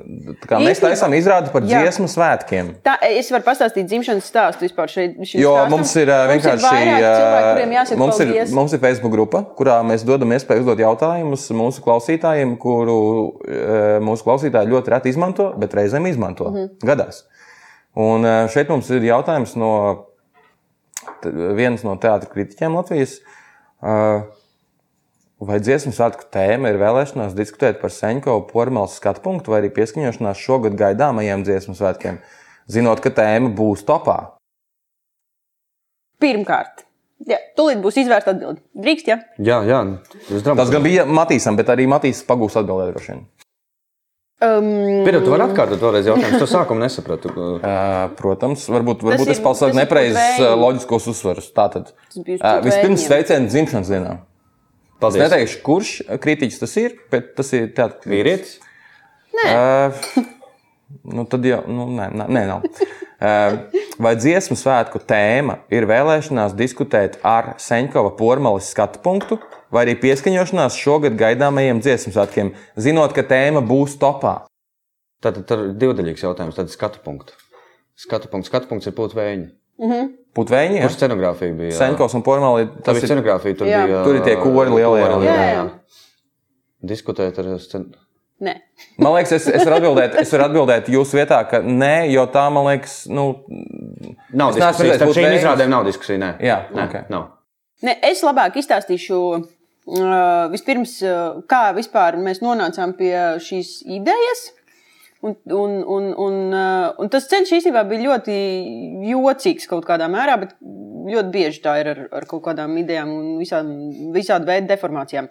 Tātad uh, viss īstenībā sākās un, un, un, un tā radās uh, mūsu jauno kolēģu izlaidumā kurā biju es, kurā bija Matīs, kurā mēs ļoti daudz runājām, pļāpājām. Es arī biju, bet ar mani nerunājot. Tu biji ar Ralfu Eilandu atnācis. Jā, nu, kurš nāk Bija- ar Ralfu bija tāda reize, jā. izlaidumiem? Nu, come on. Un tad vēl brīnās, ka arī. Bija tāda reize, jā. Bet, var sakot, eh, tur bija arī um, visi mūsu um, jauno kolēģu vecāki. Saprotiet, Rāls Elēns, tā ir dziesma, tie ir svētki. Nu, jā, tur nav ko runāt. Dziesmu svētki. Turpini, lūdzu, turpini. Bet tā tad tur bija vecāki, mūsu kolēģu jauno vecāki, ja, un liela daļa no viņiem ir ļoti tiešā veidā saistīti ar dziesmu un dēļu svētkiem. Konkrēti ar dēļu svētkiem pat bišķi vairāk. Jo mums re, ir Gunta Skuja, jā, Valta, Valta Skujas mamma, kura ir viena no virsvadītājām. Eh, Tur ir Hugo Puriņš tēvs, kurš ir arī kolektīva vadītājs. Tur ir uh, Madaras Kalnas mamma, kura dejo. Tur ir uh, Kintijas vecāki, kuri ir aizgājuši dejot vienkārši tāpēc, ka viņi ir vieni no tiem, kuri grib pie, gri, gribēja piedzīvot to dziesmu un deju Nu, svētku brīnumu. brīnumu. Un mēs vienkārši kaut kā šajā izlaidumā sākām runāt par dziesmu un deju svētkiem, tādā vienkārši mm, sarunu līmenī un, un, un doma par to, ka Par vispār ko ir- citu gan viņi runās, vai ne? Visi šie dziesmu cilvēki. Savu bērnu izlaidumā. Bet, eh, bet vienmēr ir bijis, nu, tā kā, eh, es zinu, ka man ir bijušas sarunas par, par šo domu vispār uztaisīt kaut ko nebūt ne tikai ar režisoriem, bet arī ar dramaturgiem un vispārējo par to, ka nu, nu, dziesmu svētki ir topiks, par kuru varētu kaut ko tiešām rakstīt un taisīt. Un, eh, un kaut kā es teicu Matīsam, nu, vai. Un turpat bija Herberts. Un tajā pašā brīdī arī nu, es gāju pie Herberta un teicu, tas, tas bija tieši tajā mirklī. Jā, bet toreiz tas par nebija tieši par daudz. dziesmu Tad- svētkiem. Tagad tā nebija versija, mēs klausīsimies. Nē, nē, tas, nebija, tas bija tieši par izrādi. Man liekas, es atceros Jā. to tavu jautājumu, vai tu gribētu taisīt izrādi. Jā, tas Ā, un toreiz es teicu, jā. Jā. Ā, Tas bija, par, to- bet tas nebija tieši par ā, dziesmu svētkiem. Tajā Jā. brīdī mēs nevienojāmies. Tas bija par to, ka 26 gadīgais Matīs toreiz. Ā, Tas bija 26-gadīgais Matīs, kurš jau semestri bijis ā, pedagogs. Jā. Nu, lūk, bet var sakot, tur tad vienlaicīgi radās paralēli. Tā bija doma par to, ka varētu uztaisīt kaut ko par dziesmu svētkiem, paralēli, ka varētu kaut ko iestudēt kopīgiem spēkiem ar Matīsu. Uh, Paralēli es piegāju arī uzreiz pie Herberta un teicu, ej, Herbert, direktor, mums te ir pāris idejas. Un tad, uh, un tad vienkārši tā, tā, tā, tas viss, jā, tā tas viss lēnām sāka vēlties uz kaut ko. Un, uh, Tā kļūda, nebija. fatālā kļūda bija tas, ka tu piedāvāji, bet tev vēl luga nebija gatava. Man nekad nav gatavs lūgt, tad, kad mm. es kādam kaut ko. Bet toreiz arī tā tēma vēl nebija gatava. Nebija. Jā. Tagad dziesmu savēlts svētki. kopā ar toreiz Jā, to notikumu, jā, ka tur bija jā. dziesmu svētki vecāki. Jā, bet- tieši tā. Tad mēs runājam par pārāk daudz ko, lai tā jā. uzreiz gatava tēma. Bet uh, tad, uh, attiecīgi, turpinājās sarunas pēc tam arī vēl un vēl ar Herbertu. Uh, Zinu, ka arī ģimene nesaistīti ar mani uh, bija teicis Herbertam, ka varbūt Matīs varētu iestudēt kaut ko pie mums. Uh, jo tu biji jau rekur sadarbojies ar, ar visiem ļoti dažādos veidos. Un tad mēs nonācām nu, pie tās dziesmu svētku tēmas, kuru mēs ik pa brīdim arī starp citu atcēlām, bet tad atkal pieli, palikām pie viņas atpakaļ. Jo nevienu brīdi, nu, kā dziesmu svētku ļoti sarežģīta tēma, jo tur ir tik daudz ko izstāstīt, ka vienkārši tu nevari īsti saprast, no kura, nu, no kura gala vispār tam visam ķerties klāt. Un, Un tad, tomēr, sajēdzot to, ka nu, šis ir dziesmu svētku 150. gada dienas gads, likās, ka būtu muļķīgi to neizmantot un runāt kaut kad pēc trīs gadiem par šo visu. Lai gan es ceru, ka izrādās dzīvos ilgāk par trīs gadiem, un arī pēc trīs gadiem par to mēs visi runāsim. Nu, jā, un, un, un tad kopā ar Matīsu lēni, akurāti, uz augšu, uz leju, pa labi, pa kreisi. Metot idejas un atmetot idejas. Jā, mēs, mēs riņķojām ap to, kādā veidā struktūrēt mm, tēmu dziesmu svētki. Un par ko tad tas Jā, vispār par ir? ko tieši tā, ko mēs gribam pateikt. Jo, jo Matīs ļoti forši izdarīja, ka viņš parunāja ar savu vecmāmiņu. Pareizi. Tu parunāji ar Nezinu vēl, vecmāmiņu. par ko tu stāstīsi. Jo tu teici, ka tu parunāji ar vecmāmiņu, prasīji, ko tu gribētu redzēt, izrādēt dziesmu svētku, un viņi tev atbildēja, nu, Es negribētu par dziesmu svētkiem. Jā, jā, to gan viņi man teica. Jā. Sapratu, šodien nākot uz šejienes, domāju, nu, vispār jau, jau šodien domāju par to, eh, ar ko, cil, nu, ko ekspektāciju? sagaida izrādē, kuras nosaukums ir dziesmu svētki. Es neesmu nevienam pajautājis, bet, bet eh, man liekas, tas ir nu, tāds dīvains jautājums. Tas ir dīvains Man jautājums. vecumam toreiz teica, jā, viņi gribētu kaut ko sirsnīgu, kas nav par dziesmu svētkiem. Uh, kaut kā tāda bija viņas atbilde. Principā tāda standarta izrāde viņam raksturoja. Uh, nu, es gribētu tādu vienkārši foršu izrādi redzēt. Viņš lai smieklīgi, lai varētu paraudāt. Jā, jā, jā. jā, jā, jā. Nu, tas arī ir. Mm -hmm. Un Tas ir Tavu versiju? Uh, kāpēc par dziesmu? svētkiem? Nu, jā, uh, tātad šī tēma, šis nosaukums rasē bija, ar ko viņa nopirka Herbertu dziesmu svētki. Uh, ņemot vērā kontekstu, jā, svētku 150 gadi. Un tad mēs tapinājām lūgu. Izrietot no nosaukuma. Īstenībā, Bet arī, ziņā. man liekas, piedod, iestrpināšu, Aši, man, man šķiet, ka radot šo izrādi ļoti arī ir nospēlējis kaut kāds tas pasaulē un vispār Latvijā un vispār Konteksts iekšā, konteksts. jā, Šis mēs- brīdis ir ļoti svarīgs šim gabalam. Tas nav par vēsturi, tas Nē, nu, mēs arī kaut kādu tiešām aizskaram pilnīgi visu, tagad. ko var aizskart. Uh, Un tajā pašā laikā gana, gana, mēs to pieminam, jo mēs vienkārši to nevaram nepieminēt. um, Bet tajā pašā laikā man liekas, un kāpēc es ceru, ka izrāde būs ā, ilgdzīvotāja. Nu, viens ir tātad aktieru darbi. Deviņi aktieri mazajā Deviņi, zālē. deviņi, deviņi aktieri Jā. mazajā zālē, deviņi dažādi raksturi, krūti izveidoti raksturi, ļoti tuvu, kas ir forša forma. Manuprāt, un šodien mēs ar to kaut kādā ziņā jau pārbaudījām ar, ar jau vairākiem skatītājiem, kas, kas bija um, ilgdzīvotāji tādā ziņā, ka tomēr tā galvenā tēma, par kuru mēs runājam, ir tā kaut kāda vienotība starp, starp vienkārši vienas valsts iedzīvotājiem, kuri ir tik dažādi, un tajā pašā laikā mēs esam šeit. Ir kaut mums kaut kā ir jāsadzīvo, un tā tēma, man liekas, tomēr ir diezgan mūžīga. Nu, mm. Tāpēc man gribētu domāt, ka, ka šo izrādi varēs spēlēt arī pēc uh, dziesmu svētkiem. Ik pēc pieciem gadiem. jā, jā. Nu, gribētu teikt, Tā kā. Otelo. SRT. Tik rēti arī nav. Uh, Izstāst, ka mēs esam atbildējuši arī uz otru jautājumu daļu. Un visbeidzot, kāpēc tieši liepāja iekavās tā nav tikai vēlme dzirdēt komplimentus liepainiekiem, bet patiešām interesanti. Es atļaušos nokomentēt, man liekas, ka nu, jau atbildēja vienkārši, ka Rasa ir uz vietas un tā ideja radās šeit. Un, uh, Nebanu, tu būsi tāds krāns, ka vienkārši paņems ideju no liepājas un aizbrauks uz Valmēru viņu taisīt. Ne, nu, pirmā lieta ir droši vien tāpēc, ka nu, jā, man piedāvāja taisīt šeit. Uh, man neviens cits profesionālais teātris, katrā gadījumā nebija tā, hei, Matīs, mēs gribam līdz taisīt izrādi. Uh, tā jau īstenībā tas baigi bieži arī nenotiek, ka tevi tiešām uzaicina taisīt. Nu, tas bija liels gods pirmkārt, otrkārt man šeit bija pieredze jau divas reizes ar Elmāru, ļoti laba un patīkama pieredze. Es caur šīm pieredzēm ļoti esmu iemīlējis šo teātri. Mm, to, kā, kā te ir un, un kādas izrādes šeit tiek radītas. Un, kā jūs strādājat. Pusi no kolektīva, kas ir mūsu izrādējis, nepazinu un iepazinu. Un, esmu arī priecīgs par to. Uh, Nu, jā, tā pirmā lieta droši vien ir tāpēc, ka nu, man aicināja būt šeit. Nu, tā ir tāda principā, pirmā lieta, kuras neizvēlējos, bet tādā ziņā es šeit nu, izvēlējos, jo es piekritu, bet, bet, bet, bet nebija tā, ka es skatījos visiem teātriem, domāju, kur tieši taisīt. Un, un, un, Tik krūts arī neesi. Nē, galīgi Vēl, nē. vēl. Bet, bet, uh, bet es esmu jā, ļoti laimīgs un pateicīgs šeit būt un strādāt šajā kolektīvā. Uh, mēs jau zem, zem četrām acīm pa pāriem esam jau runājuši. Es esmu atklājis jau, ka es ļoti uh, labi šeit jūtos, ļoti droši. Katrā gadījumā tas mēģinājuma process viss ir bijis tāds ļoti.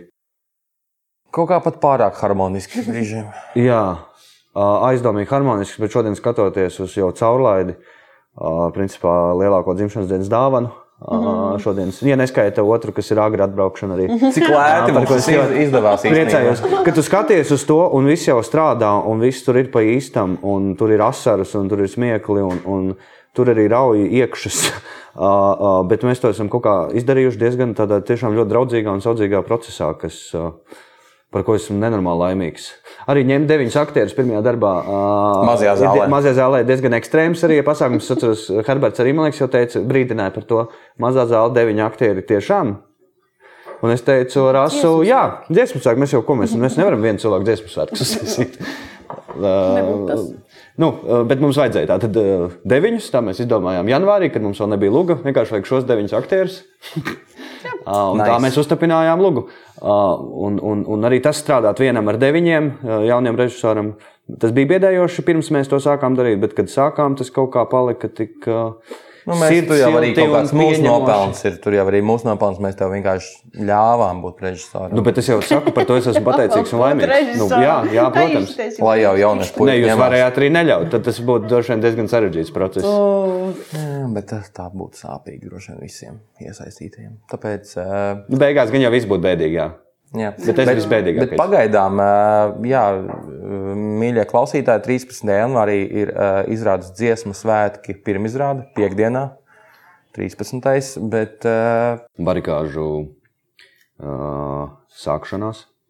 jā, jā, met, met rasai nākamās idejas, nākamajām lugām. Tā poetiski varam teikt, būvējam barikādas būvējam viens starp otru. Un caur šo, caur šo, šo izrādi mēs mēģināsim viņus Jau- jaukt. jaukt. Tieši tā. Ko pačurājam? pauzīt. Ja?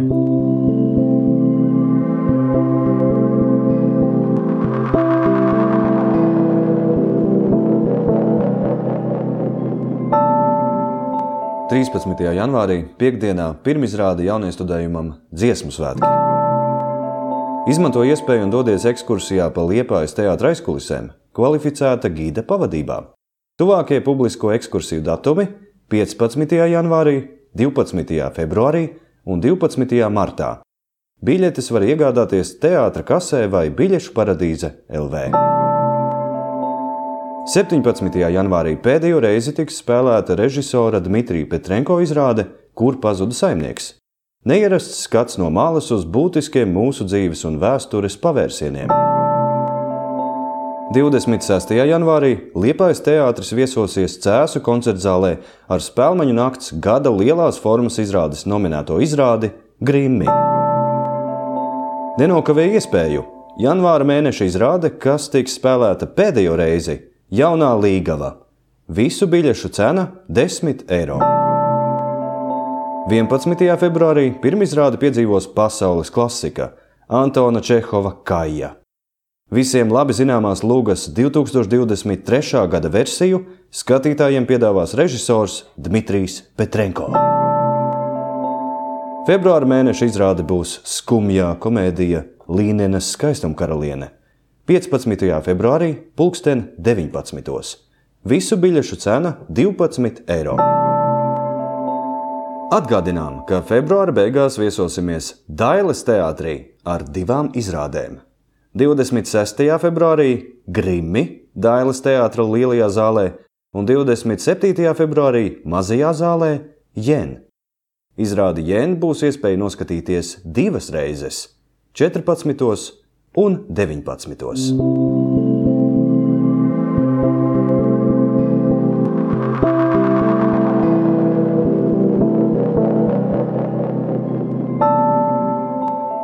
Uh, Maucam tālāk. Gāzes grīdā. Uh, kā jau katru reizi mēs uh, dodam iespēju uzdot jautājumus mūsu uzticīgiem klausītājiem. Un uh, daži šodien ir, man, manuprāt, ļoti forši jautājumi. Uh, labi, te ir viens nepārāk foršs jautājums, tāds, nu, tāds, ko varēja arī izņa uzrakstīt Matīsam, bet uh, kāds Nacionālā teātra mākslinieks vadītājs jautāja, kad būs nākamā skvoša spēle. Cik jauki! Nu, Tev droši vien datums jāpasaka, vai es nezinu. Jūs Rīgā arī to darat? Es zinu, ka jūs Jā, Liepājā mēs arī Rīgā to darām. Uh, ļoti ilgu laiku neesam darījuši. Man bija trauma, sporta trauma, locītava. Oh. Jā, jā, es tā kā pirmos mēģinājumus. Tas ļoti daudz sēž ar peli, tad arī sāpēs vietas. Jā, bet košās viņas atraumēja kaut kā ļoti neveiksmīgi. Un, uh, man ļoti ilgi sāpēja kaut kāds trīs vai četrus mēnešus. Man tikai Tikai Senkovs vinnēja. Nē, pēdējais reizes. Nē, es biju Jā, pēdējais tu atstāji sportiskāku cilvēku iespaidu. Nē. Nē, Kā- viņš mani vinnēja. Uh, viņš mani vinnēja Režijā. Šekspīra. Uh, tas ir viens. Uh, otrs, uh, Šekspīra pirmizrādē mums no rīta bija skoša mačs. Kur uh, plus mīnus es viņam bišķiņu atļauju vinēt, jo tā ir viņa pirmizrāde. Uh, Bet arī tā viņš, arī, tā viņš arī iegūst to uzticību. Jā. Ja? Ja? es zinu, kurā brīdī ir sakarīgs. pievienosies. Džeks, viņš Jā. man ļaus kvošā uzvarēt. Labi, Nē, bet iespējas gabalīti. radīja, ka es neļāvu. Ah, Nu, labi, bet nē, nē, jo, mēs- jo leļu teātra aktieris. Tieši tā. Ārprāts kāds aprēķins. Bet es līdz galam neļāvu. Nē, nē, nē tur bija godīga uzvara. Nu, jā, uz- jā, jā, mēs sapratām. Jā. Nē, nē, mums ir līdzīgi. Iet, viņš ir labs partneris. Elmārs vienkārši gaida datumu. Te tas. Nē, es teiktu, jau nav. Deviņ- 19. janvārs. 9. janvārī jūs tiekaties Sklošu centrā Tērbatā uz Brīvības ielas. Ja? Mēs Pepsi centrā spēlējam parasti. Arī tur var, jā. Uh, Skaidrs, nākamreiz lūdzu izmantojiet īsiņas un paši savā starpā vienojieties, lai neizmanto šīs, šī platforma par saviem sporta kaut kādiem mērķiem. Sarunāts? Ok. Mums ir arī kauss. Mums bija liepais kauss. Un arī Viens Rīgas viņu? Jā, tā jūs es, par es kausu? uztaisīju to, bet tas ir ļoti rēcīgi, jo uh, pirmo Rīgas kausu dabūja Elmārs. Mums ir tā, ka līdz trim uzvarām sanāk, ka mēs uh, ejam vairākus vakarus. Viens vakars ir viena uzvara. Līdz trīs uzvarām Elmārs uzvarēja uh, 3-1, man liekas, to Rīgas kausu pirmo. Un es nopirku šķīvi, uzlīmēju uzlīmi Rīgas kausu 2021, laikam, vai 20, neatceros tagad gadu. Uzdevu viņam to šķīvi. Ceļojošais. Un tagad es cerēju, ka nē, jo nu, tas nebija baigi vizuāli skaisti. Nebija, un tad es uzvarēju otro Rīgas kausu, Nelmārs man atsūtīja bildi. Ar to pašu šķīvi, kur viņš ir pielīmējis vēl vienu šiltīti. Un otrais uzrādījums, viņš man viņu dos atpakaļ. Es viņu īsti negribēju atpakaļ. Es cerēju, ka viņš uztaisīs oriģinālu savu. es pieņemu, ka viņš arī smukāk būtu uztaisījis. Bet, jā, izdevīgāk ir zaudēts, lai nebūtu šķīvis jātur mājās. jā, jā. Uh, man šis jautājums patīk. Vai teātrī ir daudz kārdinājumu un kādi? Wow! Šis labs jautājums. To mēs varētu iekļaut katru reizi. Ne? Mm. Jo tā ir tā dīvainā, mistiskā vieta, mītiskā, mistiskā, kur cilvēki no malas tā vienmēr viņiem ir kaut kāds savs viedoklis par to. Bet, bet cilvēkiem, kas Nē, nu, kā, brau- man liekas, kā režisoram, un tagad es arī saprotu, par ko Elmārs uh, un Rēnis un citi režisori ir runājuši par to, ka režisora profesija ir diezgan vientuļa, un to es tagad izjūtu viens pats atbraucot uz Liepāju divus mēnešus strādājot. Labi, Beidz mēs tev mēģinājums un pieskatām. aizies dzīvo, dzīvo, nu jā, reizēm jūs pavadat arī ar manu laiku, tas ir par to paldies. Uh, bet tā kopumā, ka tu esi tiešām atbrauc viens pats, un tu visu laiku esi kā, nu, viens. Un, uh, un, un, un, Kas un, ir kārdinājums būt divatā? Nē, nu var droši vien iedzert kādu vakaru uh, vai, vai kaut kā tā. Nu, var, nu, tādā, bet, jā, tajā, tajos vakaros kaut kā no tās, ka tev nav tās mājas dzīves, jo šeit jau nav mājas. Nu, tā kā ir tas dzīvoklis, kurā es dzīvoju, kurā ir forši un ir uh, jaunas uh, gultas ērtas, kur gulēt, to es arī ļoti novērtēju. Mm, ka var labi izgulēties, bet, nu jā, vakaros nav ko darīt, un tad jau. Tad jau pašam. kārdinājumiem. Nu, jā, Bet tas ir tā kā kārdinājums. Nu, tas ir, jā, vakarā, tas ir kārdinājums. Tas ir. Tas, tas ir pat ārpus teātra. Tas jau ir izjāra no teātra. Nē, tas varbūt ir ārpus tāda, nu, bet. nu, Tas, tas jautājums droši vien bija dziļāks nevis par gultām, kurās izgulēties. Matīs, ej dziļāk. Kārdinājums teātrī. Jo man liekas, tas ir tik daudznozīmīgs tāds. Nu, pamēģini, tu vari atbildēt arī kā aktieris. Tomēr es teātrī kā Es izmantoju to savu pozīciju kā šī podkāstu veidotājs, un es parasti, ja es nezinu, ko atbildēt, es neatbildu. Bet tev liekas, ka ir ļoti dziļš jautājums tie pašā. Nē, teātrī kārdinājumi nu, ir kaut kādi, man liekas, tie profesionālie. Es, es pat nezinu, tie ir kārdinājumi, man liekas, tie ir tādi vairāk slazdi. Tas, tas, tas egocentrisms un, un ego, par ko tu runāji, ka, ka, nu, kuriem. Kur Leļu teātrī tas, tas tiek ā, izravēts studiju laikā. Man liekas, ka dramatiskā teātrī ir kārdinājums kā, nu, nezinu, būt centrā, līst gaismās, baudīt kaut kādu uzmanību. Nu, ja tos var saukt par kārdinājumiem. Es domāju, ka jā. Droši vien, ka var, bet tas jau. Es domāju, ka tas jau nav tikai teātrī. Nu, teātrī nu, droši vien mēs izjūtam, jo tā, atkal tas ir kolektīvs darbs. Brīdī, kad kāds lec laukā, mēs jau Kārdinājums izjūtam ir to. būt nestrādāt kolektīvā droši vien. Cik dīvaini, ne? Strādāt, jā, izrādē būt individuālistam. Nu, bet- man tāds kārdinājums nav īsti bijis. Es Nu, neesmu mums tāds ir uh, aktieris. grozs izrādē vairāk par dzīvi. Teātris ir, tur, tur ir ļoti, man liekas, uh, tāds svarīgs teksts, kas izskan, uh, ka individuāli priekšnesumi ir izrāžu nāve.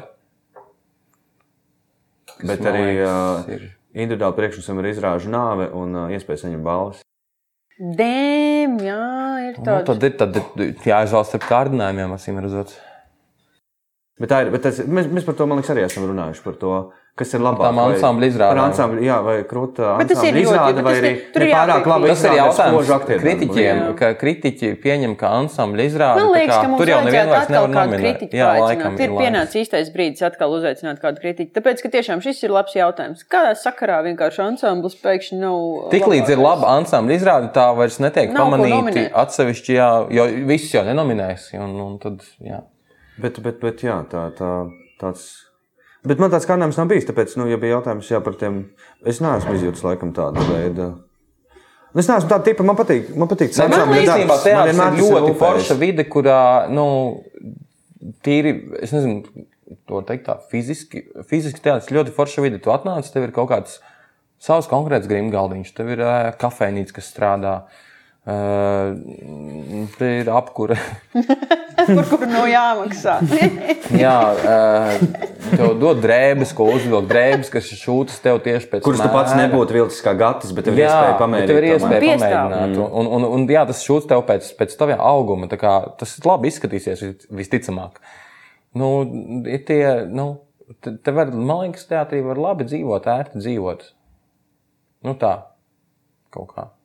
Man liekas, ka viens no kārdinājumiem varētu būt arī tas, ka tu, tu, nu, tu gribi būt šeit vairāk nekā varbūt vajadzētu. Nu, ka, ka, Nu, tā arī var gadīties. jā, ka vienkārši to, nu, ka, tā kā tā Te ir vide bufeta ar ēdienu. Jā, tā vide ir tāda. Viņi ir nu, pilna ar idejām, ar ko iespējām. dara, jā, jā. ir tā tāds baisais fans, viss baigi forši. Un tad vienkārši liekas, ka ir tavs tā brīvdiena, un nu, ko lai dara? Nu, aiziešu uz teātri.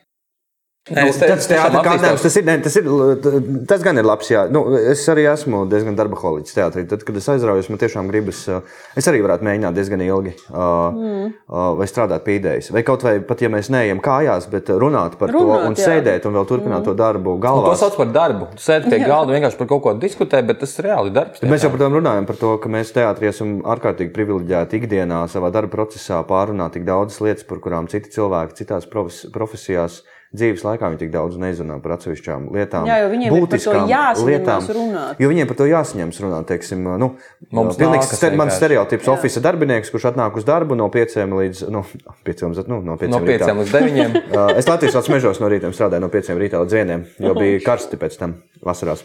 Bet, bet, bet uh, no 8 līdz 5, un tu teiksim, sēdi pie datora, tur kolēģiem parunā uh, to smaltāku, saucamo čauku, man iet labi, vakar redzēju ūdru, nošāvu, bija medībās, nu, kaut kādas tādas īsās sarunas, tad tu aizēji mājās, tu esi piekusis, mājās tu bišķiņ parunā, paskaties televizorā, gulēt, un tā, ir- tā ir tava ikdiena. Mēs no rīta atnākam uz mēģinājumu, sēžam Un desmit par cilvēki. dzīves jēgu. Un vienkārši runājam par dzīves jēgu, jā, par kuru mm. cits cilvēks ikdienā nu, tur ir ļoti jāsaņemas vai jāsadzers droši vien, lai par to sāktu runāt ar savu tuvajiem vai mīļiem cilvēkiem. Mums tā ir ārkārtīgi privilēģija, ka mēs par to varam runāt, mēs varam viens otram kaut kā atklāt kaut kādas lietas, sajūtas. Uh, un tas jau ir Nu, tur arī otrs grāmatas ir, ka tev arī nāks par to runāt. Tev nav baigi izvēles. Tev, tev vienkārši nāk Nu, beidz, vienmēr ir izvēle. Tu jau vari arī teiksim, neskart kaut kādas tādas. Nu, Nu, jā, bet, ja tu gribi būt labs aktieris un, un labi darīt savu darbu, tad tev, tev nāks atvērties un tev nāks par to visu runāt. Jā, bet ja tu par to pat nedomā, vai es gribu būt labs aktieris vai kā, bet ja tev vienkārši patīk šis darbs un tev patīk analizēt, tu gribot, negribot kaut kā jau pasakot vairāk nekā tev jā, jo gribētos. viņš jau- viņš jau Tu, tev tad tas tā dabīgi uh, notiek. Man ir reizes, kad esmu pateicis teātrī vairāk mēģinājumos nekā, Nekā gribētu. Jā, un pēc tam tu domā, kāpēc es to it kā teicu, bet tajā brīdī likās. Bet tas man nekad nav nācis atpakaļ īstenībā, par ko man īstenībā liels prieks. Bet tam arī ka- nevajadzētu nākt Tāpēc, ka atpakaļ. Tā visi nevajadzētu, bet, bet tas, tas liekas pat mazliet apbrīnojami, ka teātrī tu mēģinājumos var dabūt to atklātības līmeni, nu, kuru kāds var izmantot un pēc tam pret tevi, bet tas nekad nav ticis izmantots. ka tu vienkārši cilvēki atklāts. droši vien ilgi netur uz teātrī, kas uh, sāk to izmantot. Jā. Tāpēc, ka atklāti jau ir pilnīgi visi, kas ir iesaistīti. Nu, tā, Nē, nē, nu, tā, ir. nē, tā arī ir ļoti liela vērtība. Domāju, ka viena no mūsu uzvarām, vismaz kā uh, kolektīvam, uh, par to atklātības līmeni. dziesmu svētkiem, tas jau, tas jau, jau mēs izrunājām. Jā. Nē, nu, es par to prieku strādāt un sarunāties. Uh, ka tā ir nu, viena no veiksmēm, pat nu, neatkarīgi no tā rezultāta, bet, uh, bet uh, no tām veiksmēm, kāpēc mums tik harmoniski ir gājis, ka mēs tiešām visi atklāti diezgan esam strādājuši. Nu, pat ja izrāde būs sūds, Tad bija labs process. process. process ir bijis labs. Tā, tā arī ir viena no mūsu privilēģijām, būt labos procesos. Vienīgi, vienīgi režisoram vismaz nav jāspēlē pēc tam, bet mums ir pēc tam jāspēlē. Es braukšu, paskatīties, cik laika. Oh, Jā. Nu, Ja spēlēs par uz- savu benzīnu. Nu, es jau Ah. braukāju pa savu. Ejam tālāk. Man dīzels ir.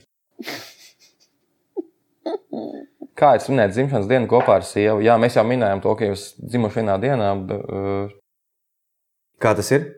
e- e- Arī par šo es šodien Pagājušais gads bija ļoti rēcīgs. Es, es izlasīju šo, šo jautājumu, un es sāku domāt par to, ja man būtu dzimšana vienā dienā ar manu draugu Santu vai ar manu dēlu. Atkal nu, man draudzē Santa. Es nevaru to pārdzīvot. Nu, mana dzīves biedrene, man mīļākā sieviete, lūdzu, paldies. Uh, tomēr mūsu ģimenē Man liekas, ka Agnēs arī šo piefiksēja. Viņa arī tas likās jocīgi. Nu, pareizi. Redzi, Piedod, gadu. būs vēl kaut kas agrēžāk. es turpināšu. Es šodien izlasīju šo jautājumu, kurš ienāca jau pa dienu, man, un, un es arī sāku domāt par to, kā būtu manā ģimenē. Un manā ģimenē ir tā, ka tad, kad tev ir dzimšanas diena, tad tu jau dienā esi karalis vai karaliene vai princis. Un tu drīkst ilgāk gulēt, tu drīkst nelikt trauķinēt traukus, kā cits to izdarīs. Tev tiek uzcepts uh, krosāns no rīta un atnests uh, līdz gultai. Var cikot, tu to dienu pilnībā izbaudi. Bet, ja dzimšanas diena abiem ir vienā dienā, kurš ir karalis? Kurš ir karaliene? Agnēs. O, cik forši. He's so nice. Bet Tāpēc viņš šobrīd ir liepā. Nē, man žēl, mēs īstenībā ar Agnēsi arī tad, kad mēs nebijām, uh, nebijām kopā. Tad arī Agnēs ir no, no Madonas novada un netālu no Brauliens. nāves. Blakus miestiem. Ar Madonai blakus Praulēna 7-8 km. Uh, Man uz otru pusi ir Kalsnava uz Rīgas pusi. Mm -hmm. Tuvāk Rīgai. Uz Rīgas Jā, es, tāpēc man nav akcenta arī. tāpēc man nav platā. Ā, seja, Agnese. vēdeklis, Agnēs. vēdeklis, seja, Cik skaisti. Nu, Pagaidiet, tu sāki kaut ko nu, par tām dzimšanas dienām. Ne, Tā, tā, tā, tā, tā, tā, tā. Jā, Kā mēs, nezinu, mēs pirms jau mēs pirms, pirms mēs bijām kopā, mēs ar Agnesi, mums bija tāda tradīcija izveidojusies, kopš es pārvācu uz Rīgu, pavisam netīšām, ka mēs vienmēr 5. janvāra pirms pusnakts satikāmies, iededzām svecīti. Vienalga, kurā vietā, vai tas bija Rīgā, Kaņepes kultūras centrā, man liekas, vienreiz tas pat bija Olimpikā.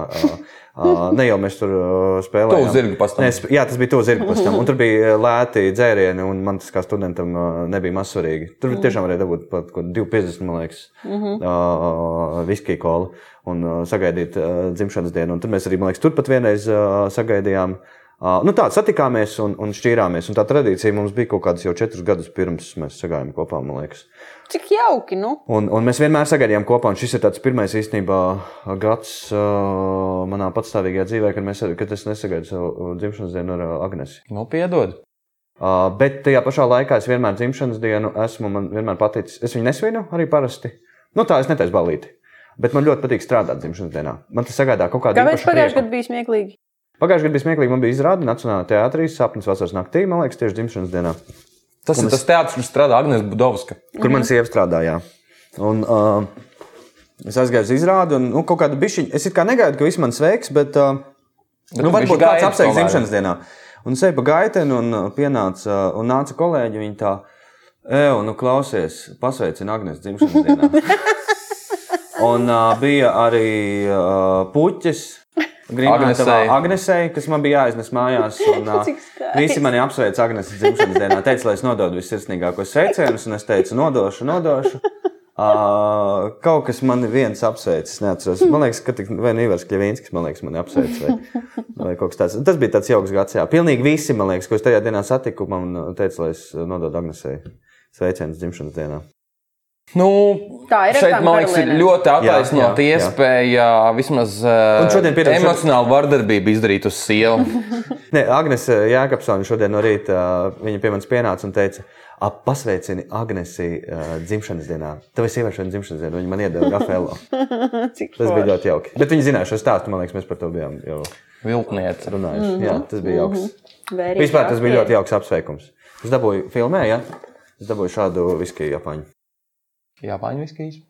No mūsu draudzīgā harmoniskā ansambļa. Devons brālība. Un no rases šo es dabūju. Es paņēmu vienu rasu līdzi. Rast uzdāvināja Matīsam glāzi no bufetes. Nē, četras. Nē, četri. Var salīdzināt, viņas ir pilnīgi savādākas. Ah, servīze. Viņas ir pilnīgi savādākas. Šī ir Vienā kastītē. Nezinu. Četras jāatliek, nekasīt. Okay. Tā. Uh, viens fakts, ko mēs nepieminējām īsti, ir tas, ka Matīs Budovskis uh, tad, kad netur rokā florbola nūju, ir arī ļoti muzikāls eh, cilvēks, kurš pabeidzis mūzikas skolu klavieru nodaļā. Desmit gadi. Jā, viņa mīļākā, viņam kultūra devā prasa, kas ir tava mīļākā dziesma, un viņš stāsta, nu, nu tā simfonija. Māla ir astotā simfonija. Jā, tā kā Fināls. mana mīļākā dziesma pašlaik ir, nu, tur kaut kas no, nu, Harijs Tēls. Uh, Kaut arī svarzālē klausās. jā, un, un tad ir Matīs Budovs, kurš māla ir 8. simfonijas finālu. Tu esi dzirdējis to finālu? Uh, nu, nē, bet vai tu esi dzirdējis Harijs Tēls? Mm, Es baidos, ka jā. Nu, jā, redz. Un tad, tāpēc jautājums. Ja tu varētu laiku attīt uh, atpakaļ, vai neizvēlētos profesionālu mūziķu karjeru? Nē. Skaidrs, paldies. Man bija ļoti laba skolotāja, mm, Kravela. kur pagājušajā gadā, pagājušajā gadā aizgāja pavisam negaidīti. Uh, Ieva Vojniča, Madonas mūzikas skolā. Uh, absolūti brīnišķīgi skolotāji. Un uh, mums kaut kā arī bija ļoti labas attiecības, lai gan es biju pavisam nu, mazs. Es sāku mācīties pie viņa. Es sākumā Rīgā mācījos. Pauli- Nesaki, ka viņi tevi ņēma par savu asistentu. Lūdzu, nesaki to. Nē, bet viņi man ņēma konkursiem. Es spēlēju konkursos tajā laikā. Viņā ir kaut kāds mīlīšs vibes, acīm redzot. vienkārši tāds, nu. Lai gan skolā arī tajā pašā laikā bija skolotājs, kas man arī ienīst. Tā kā nebija tā, ka pilnīgi. Jā, jā, bet sakars ar viņiem, tiem skolotājiem, to nebija nekāds pareizi. Nu, tas bija vidusskolā, bet tas nebija tāds beigas labais, man liekas, audzis. Nu, es slikti mācījos. Nu, es nevis ne- slikti mācījos, es uh, nemācījos un pelnīju atzīmes, lai pārvarētu slieksni, lai nebūtu nesekmīgs. Same. Uh, un, bet, bet, uh, jā, tā tad uh, īja. Es sākumā Pāvila Jurjāna mūzikas skolā mācījos, un tad mēs ar mammu pārvācāmies uz Jaunkausnavu no Rīgas. Um, un uh, es turpināju mācības Madonas mūzikas skolā no 4. klases. Un uh, tad Ija, Ija man teica, kaut kādā 5. klasē, mēs par to tieši runājām, par to profesionālu mūziķu karjeru. Viņa teica, tev ir uh, laba izjūta, un, un tu ļoti skaisti spēlē, un es tev uz konkursiem. Bet skaidrs, ka man tur kaut kas tāpat pietrūks. Un tur jau to, to ātri redzi. Un plus arī man pietrūka tā gribas vispār to tiešām tā darīt.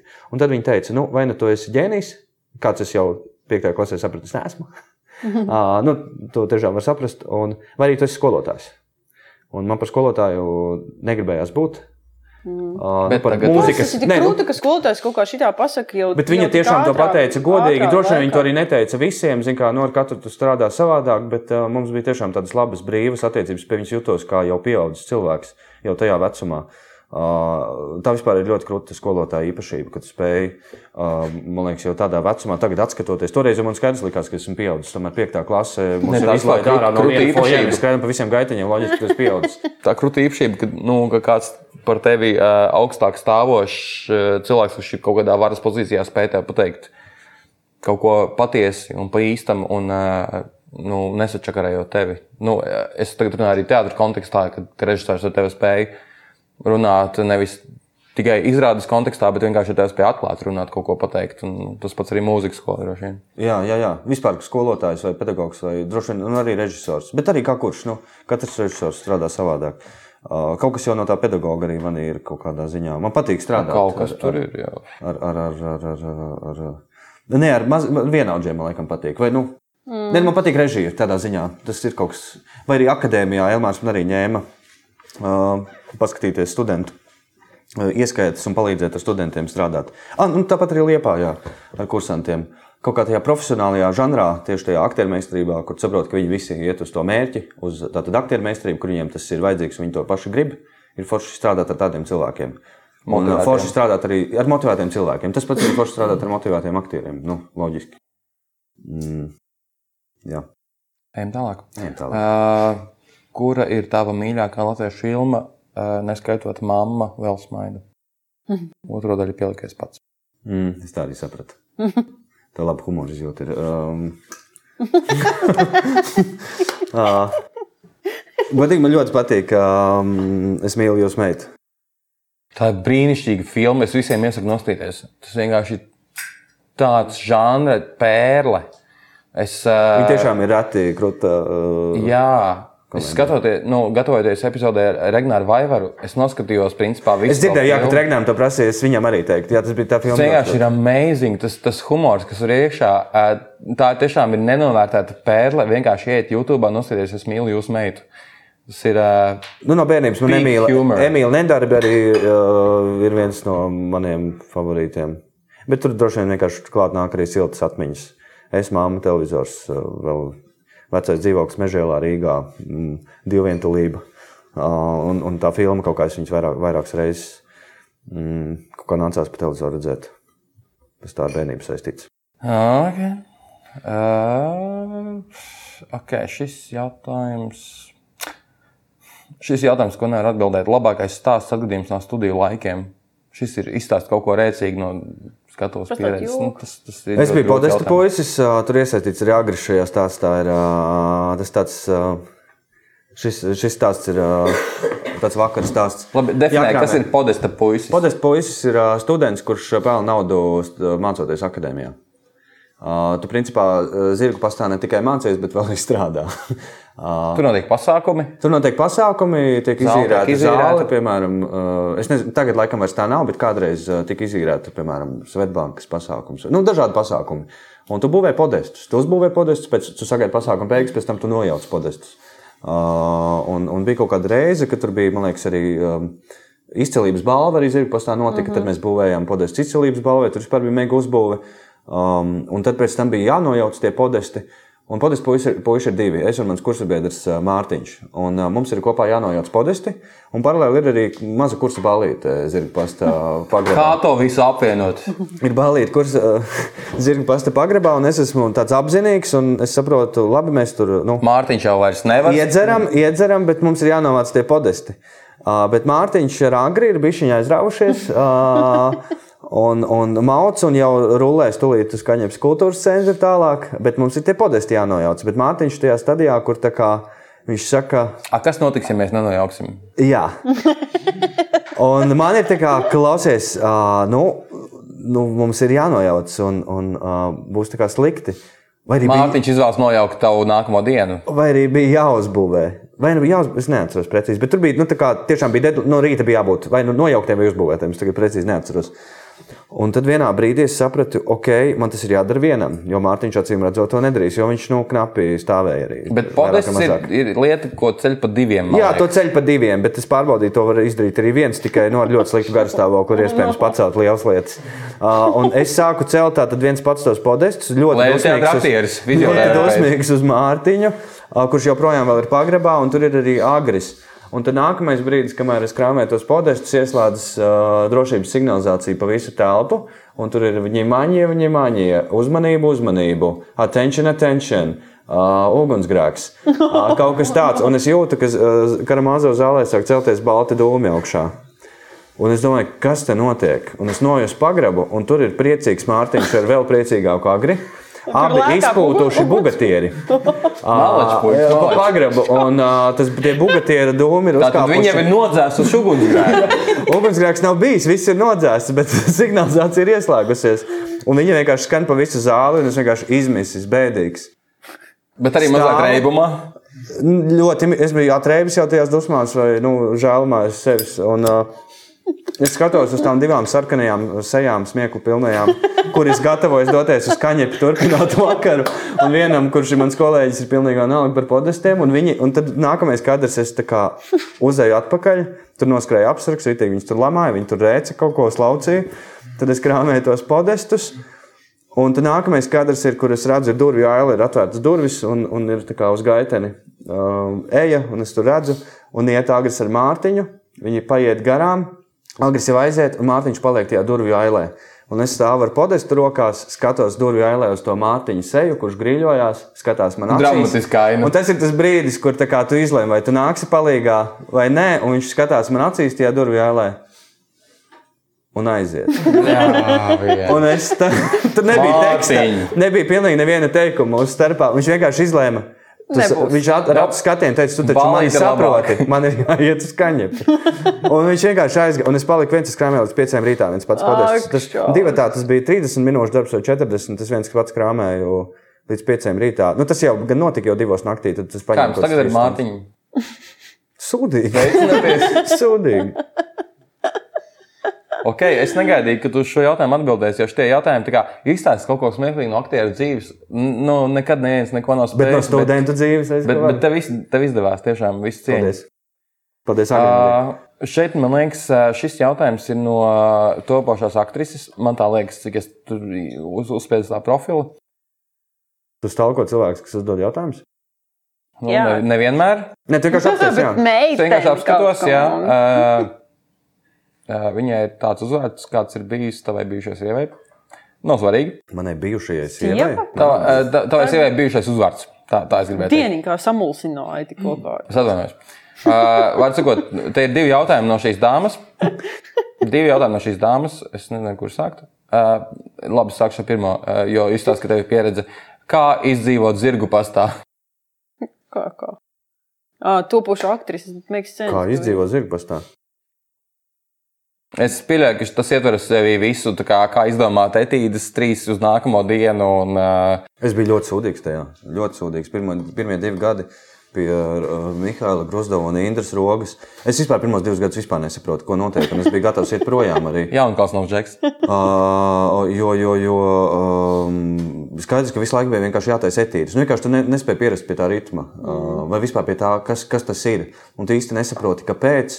Un, un, un, uh, Un tajā pašā laikā uh, Mikls Grusdovs man arī, viņš bija pirmais pedagogs, uh, kuru dēļ es iemīlējos vispār tajā profesijā, es redzēju, kā viņš to dara. Un, uh, tas man šausmīgi uzrunāja, bet etīdes es netaisīju. Viņš arī visu laiku teica, sūdz, sūdz. Nu, kā, Nu Kā, paga, paga, tu, tu cūka, tu netaisi etīdes. Tu netaisīji vai taisīji sūdīgas etīdes? Netaisīju. Es ne, nevarēju, nu, Kāpēc jau neizmet ārā vienkārši? Nu, bet tu paskaties uz viņu. Nu. Nē, nu kaut ko jau es biju viņa taisīju, bet man citi kursi bija taisīja ievērojami daudz vairāk. Tika, un daudz lai neizmestu. strādāju. Un, un tad es ļoti ilgi mudrīju to savu vienu ideju, jo es uh, nemāku tā ātri kaut ko izdomāt, jo es pats, saprotu, es pats jau nokancelēju to ideju jau sevī.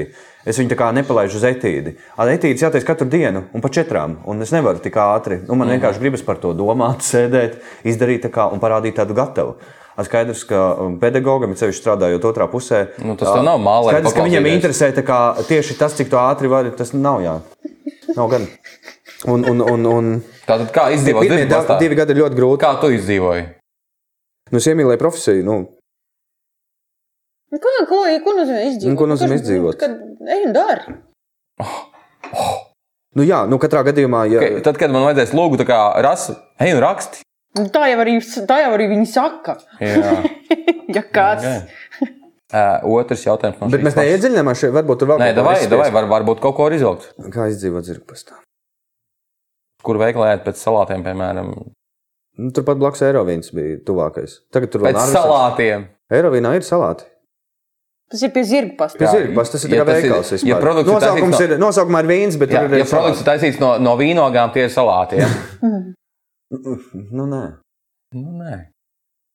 Labi, uz šo jautājumu man liekas, mēs nevaram īsti atbildēt. Nu, man liekas, ka īstenībā zirga pasta jau nav tā vieta, kur. Nu, tā kā, nu, Vajag jāizdzīvo? Jā.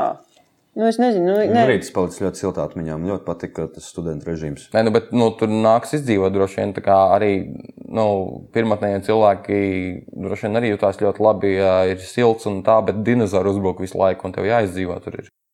Kā izdzīvot kursā, tur jau arī tās attiecības ir diezgan karstas. Nu, ņemot vērā to padod, darbu padod, padod, padod, padomu, kā, kā izdzīvot, kā, kā, kā uzvesties topošiem aktieriem zirgu pastā, kā vieglāk tikt cauri šiem četriem gadiem. Nu, vieglāk, laikam, nevajadzētu tikt, ja tev interesē tā profesija. nu, Nē, nu, tas labi, nav nevis pareizais vieglāk, ceļš. bet kā, kā efektīvāk to izdarīt. Nu, darot, tas ir efektīvāk. Nu, tad tiešām darot. Tas ir sevišķi pirmajā posmā, aktieriem. Nu, es- es- es- ir ļoti es nepieciešama kvantitāte. Kvantitātei jāiet pāri kvalitātei, jo no kvantitātes tu izspiedi kvalitāti un vispār iemācies. Ā, Tas nu arī labi. tas, ko Mikls Grusdovs teica. Vienkārši tev jābūt ļoti daudz uz laukuma, lai tu, būtu- lai tu būtu uz laukuma. Man liekas-. Vienkārši ļoti daudz jādara. Viena lieta, kas man, kas, man, saproti. kas man arī ienāca prātā, un šķiet, ka pie pirmā sitiena, kad tev pasaka, ka viss, ko tu dari, ir sūds. Uh Mhm. -huh. uh, nu, nevajag tā kā, sap, nu, tā kā izdomāt, ka viss arī, ko tu turpmāk darīsi, automātiski būs sūds. Nu, nu, jā, šoreiz sanāca Tas būs mazāks. slikti. Jēkabs, Jēkabs Jā. Reins uh, uh, vienā etīdē uh, bija viņam brīnišķīgs teikums. Uh, tas gan bija citā kontekstā. Tur bija, viņam bija etīde par kaut kādu pamešanu, kur viņš pamet, man liekas, draugu vai kaut kas tāds bija. Bet tas, ah, viņš bija nokrāpis to draugu, un tā draudzene viņu tur pamet, un viņa gāja projām. Un tas teikums, ko viņš etīdes beigās viņai saka, bet grēks nav pakrist. Grēks ir necelties. Un šis teikums man ir palicis atmiņā joprojām no studiju laikiem, ka nu, viņš to bija integrējis tajā ētienē. Tas bija mūsu, man liekas, joks visu pēdējo ceturto labas ētienes. Grēks nav pakrist, grēks ir necelties. Līdzīgi to var teikt arī par darbu. Tas, nu, es to saprotu, ka to Izklausās pēc etīdes, kas var folklorizēties. Grēks nav pakrist. Ja tā viņa arī ir folklora, vismaz mūsu kursu ietvaros. Jā. Uh, ok, tā tad uh, dārta vienkārši malc. Uh, otrs jautājums no dārtas. Vai tu būtu gatavs taisīt diplomu darbu ar Seņkovu jauno kursu? Jā, Jā, skaidrs. Atbildi ir sniegta. Vai man kāds piedāvās, tas ir cits. Tas ir Seņkovu kurs. Ja viņš noklausīsies šo sarunu, Varbūt. varbūt.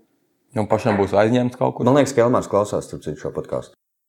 Uh, nu, kopš viņš šeit bija, viens no pirmajiem. Īstenībā, tad, kad mēs runājām par šo podkāstu, par šī podkāstu tapšanu, viņš bija, viņš bija šeit. Mēs toreiz tā kā trietā par to runājām, man liekas.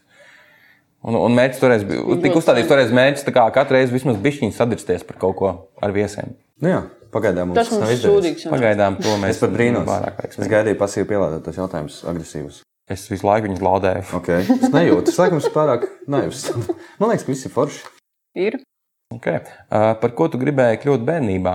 Tramvaja vadītāji. Un policists. Jā, Uh, tas šī atbilde šo jautājumu ir uh, raidījumā kultūra deva. ah, tu jau tiek noskaties. sniegta. Jā. Uh, Nu, es mazliet gatavojos. Jā. Joprojām tramvajā Nē, nu, tas ir bērns. Nu, es jau nevaru atgriezties un pārdomāt. Jā, Jaunpils nav, tas varētu būt grūti izdarāms. Bet, Bet es Rīgā pirmos desmit gadus pavadīju, tāpēc tramvajā diezgan bieži pārvietojos. okay. Liepā arī Es gan tramvajs. sākumā nesapratu, kā tramvajas stūrē uz sliedēm, bet tagad es sapratu. Tur viņš vienkārši Nu, ir poga. paldies, Draugs. paldies, kur tu biji pirms 20 gadiem. Uh, ok, jautājums. Uh, kā Matīsam, tā arī visiem pārējiem jums. Zinot to, ka no skatuves ir redzams viss, ko dara skatītājs, kas tad ir interesantākais, kas ir redzēts? Es nekad neesmu redzējis, ko dara skatītājs. Nav gluži tā, ka var redzēt visu.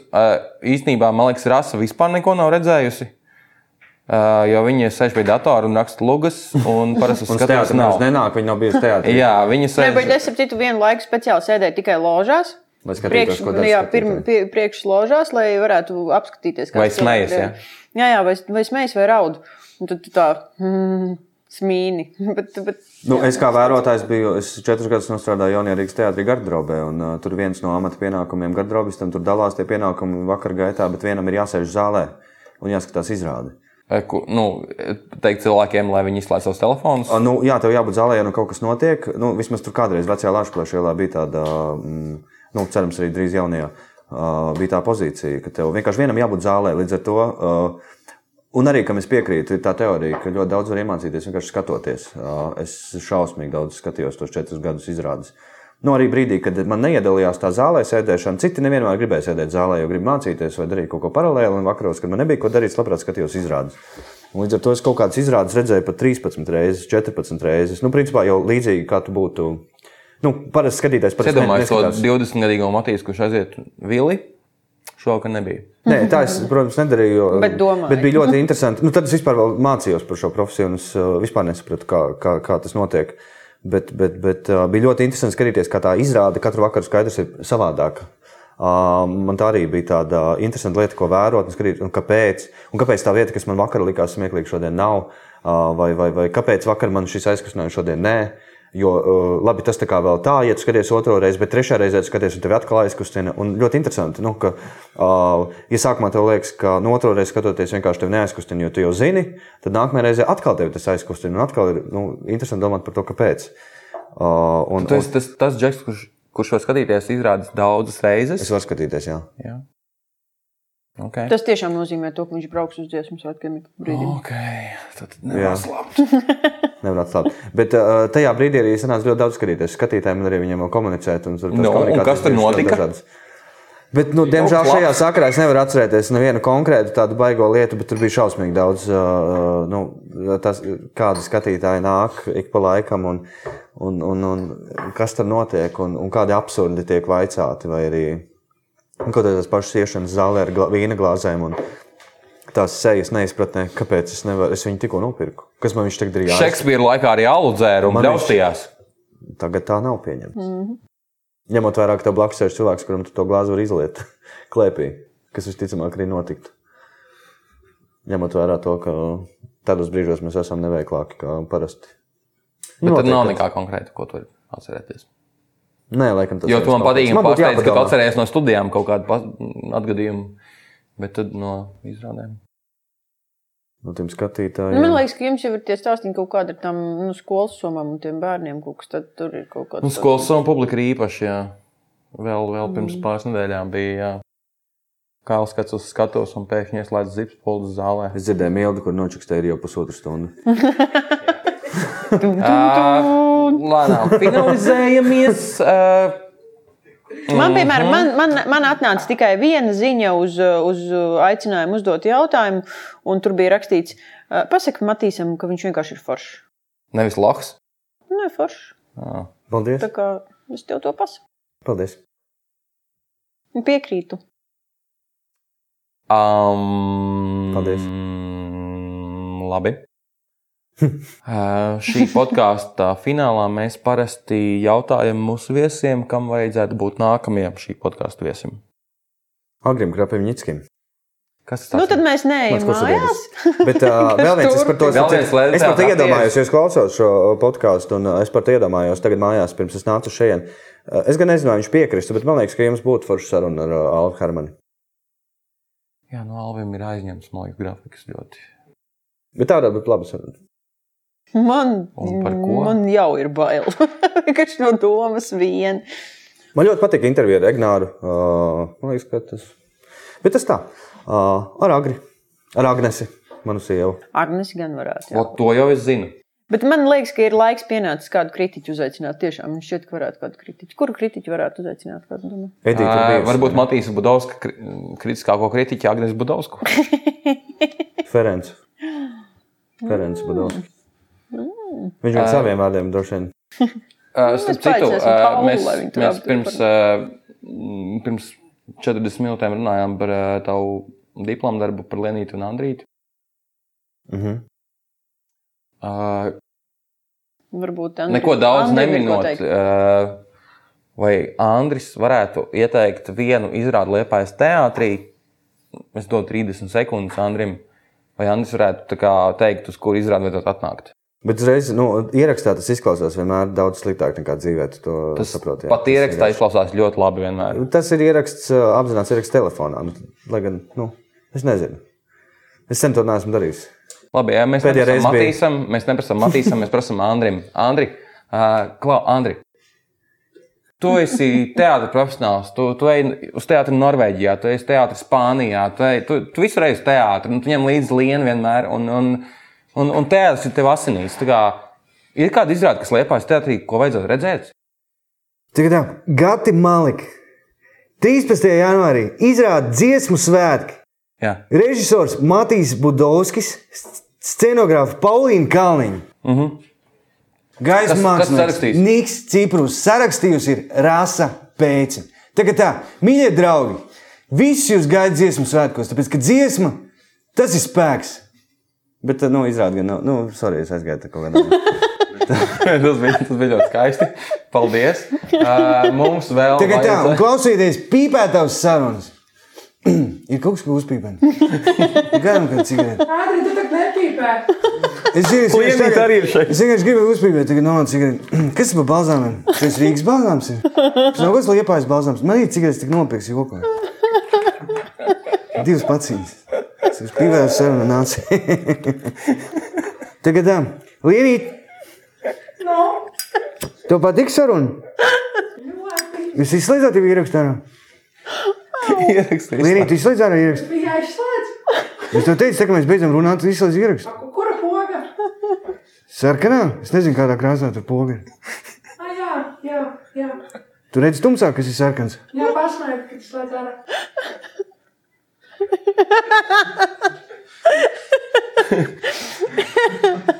Uh, viena lieta, ko mēs neesam izdarījuši, ir uh, paldies, Andri.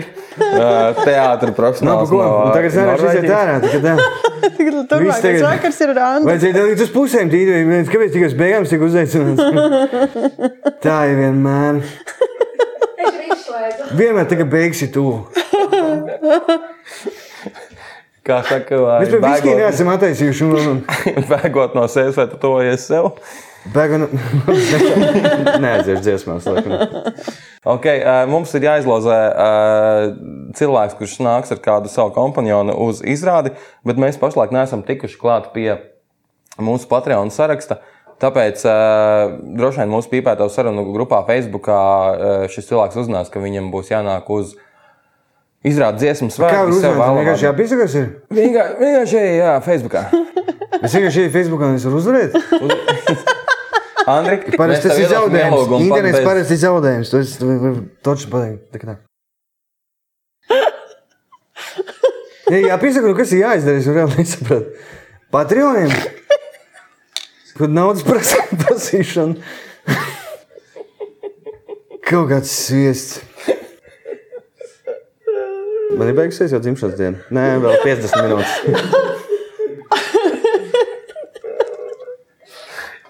Ir vienmēr tā pāri. Vienkārši saki, ka tu vari laimēt, bet neviens nepasaka, kā var pieteikties.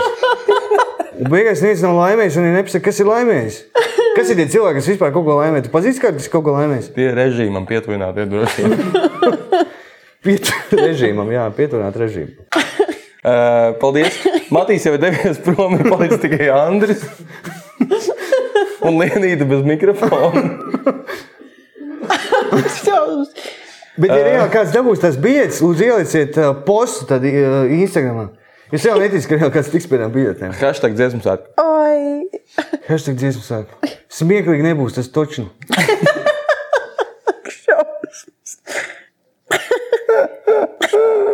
Kāds grib pasmieties, lai pasās spūlī. Šī izrāde smieklīgi nebūs. Tas, laikam, nav baigta labā reklāma. Tad... Tā atvainojos. Es liekas, šī ir smieklīgākā pīpēta saruna. Uh, paldies. Mēs varam taisīties vēl vienu. Tā kā Ar Andri. Andrejs un Andrijā. Man liekas, Paldies. trešais šots ar balzām, tad varētu izdoties arī. Paldies. Uh, Paldies Matīsam Budovskim, Andrim un Lenītei. Paldies uh, Rasai, Bugu, Rasai Pēcei. Jā. Un uh, paldies arī man. Jā, paldies. Uh, paldies. Tu varēji palūgt, es tev pasaku paldies, lai tas neizklausās Uh, Matīs vēl ierunās mums teātrī. Paldies tev, Gati. līdz. Paldies tev, paldies, paldies man. Uh, Tiekamies uh, atkal pēc mēneša, droši vien, kad mūsu sarunā piedalīsies kāds cits viesis. uh, Un uh, turpiniet klausīties pīpētās sarunas, ielieciet mums piecas zvaigznes visur, kur jūs varat ielikt Apple podkāstos, Spotify. Bookingā. Okay, Andri. Nāciet uz teātri. Ja? Un nāciet uz teātri. Teātris ir ļoti labā, labs laika pavadīšanas veids. Tas ir tas, ko es gribēju pateikt. Laimīgi jauno ir gadu. smieklīgs. Smieklīgi tas nav. Laimīgi jauno gadu. Laimīgi jauno gadu visiem. Jā. Milda, nu slēdz ārā. Turpinām, turpinām. Kāpēc tieši slēdz ārā? Kāpēc vēl atkal slēdz ārā? No bullshit experience. Uh, viss, nē, viss, tagad, tagad taču beidzam. Paldies! Vismaz labi, ka beigās atstāja nopietnu iespēju. Paldies! Un tā, viss. Atā, atā.